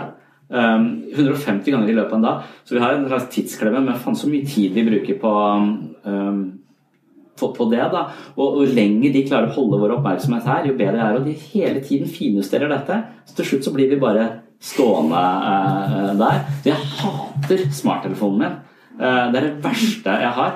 Det, når jeg er hjemme nå i pappaperm, det er jeg nå, eh, så tenker jeg min datters på ti måneders største utfordring er min smarttelefon. Hun kjemper mot Google, Apple og Facebook om min eh, oppmerksomhet og min avhengighet til det eh, forholdsvis klar over det, så jeg klarer å legge den rimelig vekk, men tar meg stadig vekk i det der greiene der. Mm. Og så er det jo litt det der med at for sånn så, Winther er jo hun er jo egentlig litt sånn usikker på om det er riktig. altså Hun stiller jo spørsmål ved altså er det, er det greit at på en måte eh, barn sin hverdag blir gjennomorganisert liksom fra dag én med, med eh, barnehage og liksom eh, skole, SFO og, og fritidsaktiviteter. For nå, det er jo, det er jo ikke, altså Før var det jo liksom sånn du fikk liksom tre planker og en hammer, og så kunne du bygge liksom et eller annet i skogen. Men, eh, eh, men nå er det jo ikke sånn lenger. Eh, eh, så det er jo liksom det der med å serve de hele tida òg. Og det er jo ingen barn i dag som kjeder seg noen gang. Eh, de kan jo kanskje kjede seg litt fordi at de har spilt liksom Coinmaster eh, veldig mange ganger før, men det er jo ikke liksom det der med søndager og liksom klokker som tikker, og liksom herlighet, når er det mandag? Um, så så dette, det er jo òg Så dette, vi er jo ikke vi, Det er jo ikke sikkert at dette er framskritt. Det, er jo ikke, det kan jo være at vi tar helt feil. Det kan jo være at dette liksom uh, Menneskeheten kan være sånn evolusjonært blindspor. ja, ja. Det er liksom helt siden uh, liksom den industrielle revolusjonen Kanskje vi bare liksom har eh, tabba oss ut, da. Eh, ja. Og I forhold til mindfulness er det så forskningen på at En ting er at når du bygger i skogen, så har du liksom du, du har din oppmerksomhet, og du styrer den. Mens barn nå lever i veldig hvor oppmerksomheten deres fanges Mm. av andre enn dem Mm. selv. Så de blir sånn passive. Mm. Det er noen andre enn dem selv som styrer oppmerksomheten, og det er en stor forskjell på det. Mm. Eh, Du blir liksom ikke herre i eget hus, du blir bare en slave av eh, glitrende lys på en Mm. måte som, Ja, ja. som fanger deg eh, rundt forbi. Og der, Mm. der har hun noen sånne holdninger som eh, som er en slags motstand mot det, Mm. får jeg inntrykk av. Mm. Ja.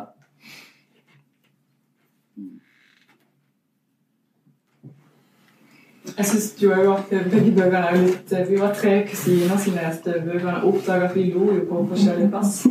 Og det er jo en, sånn, en utrolig deilig befrielse å kunne faktisk gå og le litt høyt av seg sjøl. Hva vi egentlig holder på med? Og jeg lo over hele veien igjen på Oslo på toget og da skokklo. Alle som på jeg klarte ikke å le. Men jeg lo jo av boka, så lo jeg meg sjøl. Jeg kjente meg sjøl igjen. Og jeg ble rett og slett liksom anbefalt å slutte for sånn her mindfulness-yoga. For at jeg sa det hele tida og ga armen nærmest som tegn på Kom deg videre. Ja. Jeg klarte jo ikke å kunne bli litt støvete og liksom sa at jeg skulle ut og løpe litt. for tilbake her. Og og og lo og lo. Og det festlig når vi liksom skulle prøve å snakke om bøkene, så var vi jo ledd på helt Lo du av det? og så har vi prøvd igjen fortelle bøkene, og da kikker jo folk Da ler de jo av oss. Så jeg syns det er veldig deilig å kunne le av sjøl. Jeg tror kanskje vi trenger det i dette livet. Vi må virkelig lære å le av sjøl litt. Ja, jeg tenker det at det er utrolig viktig. Det kan jo løse opp liksom i, i ting òg, da. Um, at du på en måte For du, når du ler av noe, så da er det jo ikke så nært lenger. Da tar du jo på en måte et skritt tilbake. Uh, og jeg tenker at det Ja. At jeg syns det er liksom veldig befriende sjøl, da. Uh. Og så kan det være sånn Det var bare en digresjon Ja, men jeg synes sånn, du skal være liksom feminist og jente i de bøkene, så sånn, skal du være sånn Kjempe med hånda, og ja da, vi skal ta et valg, og liksom sånn. Men, men, samtidig, liksom, når vi da ler i boka av det, så er det sånn Det gjør vi jo egentlig ikke til vanlig. Vi skal ikke gå i tog, og vi skal være så veldig sånn politisk korrekt og si det fint og snakke så høyt. Og så sitter vi i boka så lever egentlig høyt alene. Mm. Det er jo liksom litt så gøy, så det er liksom, du nesten skammer deg litt da for at du ler høyt av de tingene. Mm. For du hadde ikke gjort det samme hvis du gikk i det toget gjennom byen. Da skulle du gå med plakaten og sånn oransje hår og sløyfe. Så det syns jeg òg var litt sånn litt, Du blir litt flau over deg sjøl, hvordan du da òg lyver eller opptrer litt annerledes for samfunnet på en måte. da. For du tilpasser deg så veldig fort. Mm. Samboeren min sitter med når jeg skal på filosofikafeen, sier sånn å ja, jeg ser hva du skal i dag, for du kler deg jo i den stilen. Mm. Det er sånn, ok, da, da tar jeg meg videre du lyver på det. Ja, ja, ja. Eller hvis du skal noe, da er det jo litt sånn. Ja, ja, det er jo liksom det For det er jo, da, ja, det er jo sånn som du sier, og så er det, da er det jo den fortellingen du er inne i, liksom. Mm. Eh, og så blir det sånn obs på det. Er jo, det er jo frigjørende. Det syns jo jeg òg. Eh, og når er det greit, liksom? Når er det greit å være åpen om det? og når er det, For det er jo ikke alltid det er det. Eh, sånn som på foreldremøte, for eksempel. Det er jo ikke alt du kan Du kan, altså du må, du kan være litt negativ, men du kan ikke være for negativ. Og det vil du jo ikke heller, for du vil jo Altså, du er fanga liksom av en sånn en Litt sånn som du sier, at, liksom, at Kan vi bli ferdig nå, liksom? Eh, trenger vi å snakke om det? Samtidig så syns du jo det er viktig, på en måte. Altså, så det er liksom den motsetningen òg eh, som er litt sånn fascinerende. Det med skolelistene var kanskje ikke så viktig? Nei, det, men det, det, er noen som syns er veldig viktig. Ja. ja med, for det er en sånn scene hvor du liksom det er ei som er veldig opptatt av å ta opp dette med at det er sønnen hennes kanskje knytter skolissene sine, og når han skal lære det. da så er jeg veldig skeptisk til at han ikke kan lære det på skolen. Og det tar veldig mye tid. Altså Hun foreslår læreren borrelås, og da blir hun krenka? Ja, da blir hun veldig krenka. det er ikke lov til å bli krenka. Nei, det er ikke det. Da tror jeg vi har tid til ett lite spørsmål til, hvis det er noen som, som har noe. Nei. Men, uh, kan jeg bare si, lurer på én ting? Er klima på universitetet, for du jobber jo på universitetet, um, er det så uh, spisse albuer? Uh, er det en myte, eller er det sånn det er? Er det kamp om Begge dere jobber jo på universitetet. Så er beskrivelsen av universitetslivet realistisk? Jeg skal ikke svare på det. ja, nei, både og det er vel alltid kamp om ressurser der også. Eh, samtidig som det er eh, vennlige miljøer. Jeg tror det er litt sånn som store arbeidsplasser flest. Og det er mm. Det er en eh, Jan Grue. Han har jo sagt at det er ingen steder hvor eh, eh, diskusjonene er så intense som på universitetet fordi det er så utrolig lite som står på spill. Så det er liksom Folk har sittet på kontoret sitt og forska på komma i ti år, og så kommer de ut og skal gå på møte. Da blir det fort litt sånn rar stemning. For da treffer de noen andre, sånn som jeg har forska på metaforer, liksom. Og da liksom når vi treffes, da, så blir det veldig sånn Det blir veldig rart. Det blir fort veldig rart.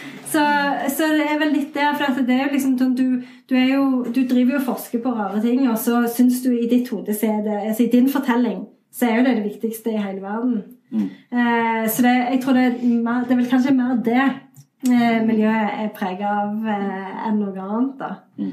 Um, og så er det jo det med at liksom eh, nå til dags så har du jo det på den ene sida, og så har du jo mer den andre corporate eh, public, New Public Management liksom på den andre sida. Sånn at det, det var liksom folk som har gått i tøfler i 15 år på jobb og liksom studert etter komma-reglene, mm. og som plutselig blir liksom konfrontert med at de gjerne skal liksom eh, prøve å liksom gjøre noe som kan hjelpe universitetet å tjene penger, eller noe Ja, sånt. ja, ja. Altså, liksom, da er jo det veldig vanskelig å forstå. Mm. Altså, det blir veldig absurd. Så det egner seg jo veldig bra til humor. Mm. For det blir veldig morsomt. Eh, så, så, så, um, så, jeg tenker kanskje det er, er svaret. Mm. Jeg husker to av mine veiledere var gamle kommunister, Mm. og de hadde tilpasningsproblemer eh, når jeg gikk på universitetet. Mm. Sånn, ja. Ja, for nå er det jo òg en blanding av liksom eh, den gamle akademikeren og Ingrid Winther er jo litt der. Eh, mm, Som liksom har oppvokst, eller vokst opp under et litt annet regime. Og så har du den, den nye eh, liksom universitetspolitikken, universitets... Eh, eh, politikken, da, som er litt mer sånn eh, Behandler studentene mer som klienter og eh, kunder. Ja. Og det er jo noe som studentene òg har tatt inn over seg. At de er på en måte kunder. Jeg leste en sånn utrolig løyen bok eh, eh, om, eh, som heter The, Nei, hva heter The Nix.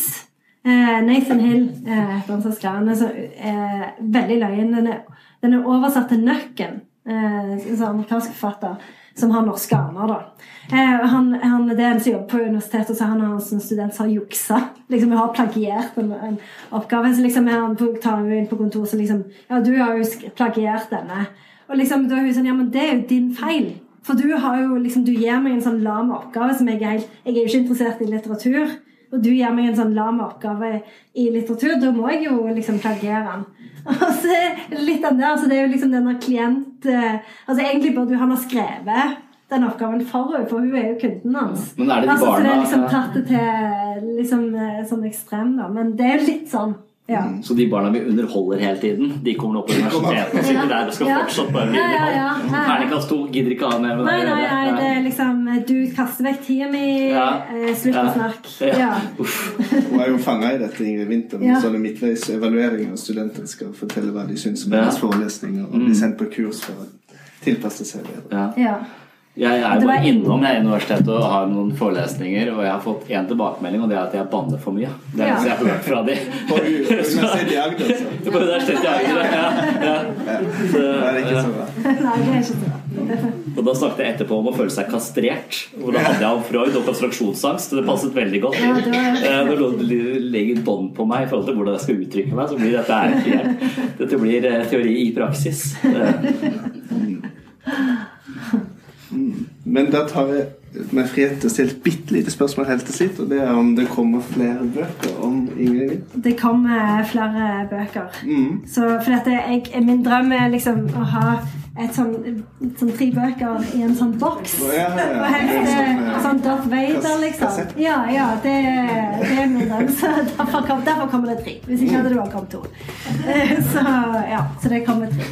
Okay, det. Ok, men da vil jeg si tusen takk til alle dere som kom, og tusen takk til Sondre og Janne for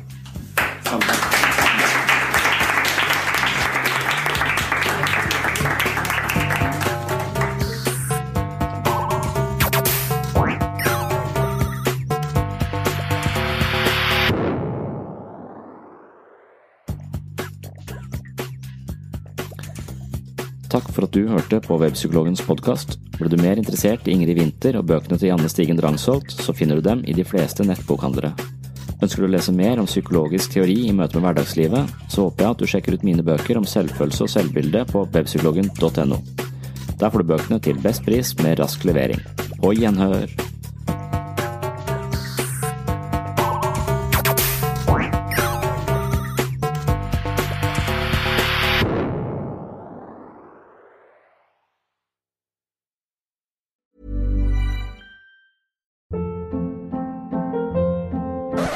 Up. What was that? Boring. No flavor. That was as bad as those leftovers you ate all week. Kiki Palmer here, and it's time to say hello to something fresh and guilt-free. Hello Fresh. Jazz up dinner with pecan-crusted chicken or garlic butter shrimp scampi. Now that's music to my mouth. Hello Fresh. Let's get this dinner party started. Discover all the delicious possibilities at hellofresh.com.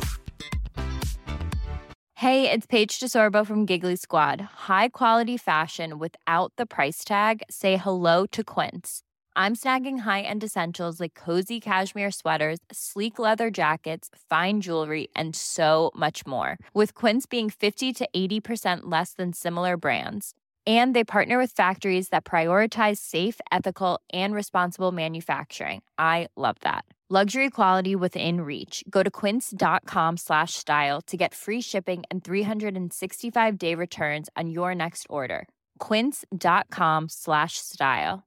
Mom deserves the best, and there's no better place to shop for Mother's Day than Whole Foods Market. They're your destination for unbeatable savings, from premium gifts to show-stopping flowers and irresistible desserts. Start by saving 33% with Prime on all body care and candles. Then get a 15-stem bunch of tulips for just $9.99 each with Prime. Round out Mom's menu with festive rosé, irresistible berry chantilly cake, and more special treats. Come celebrate Mother's Day at Whole Foods Market.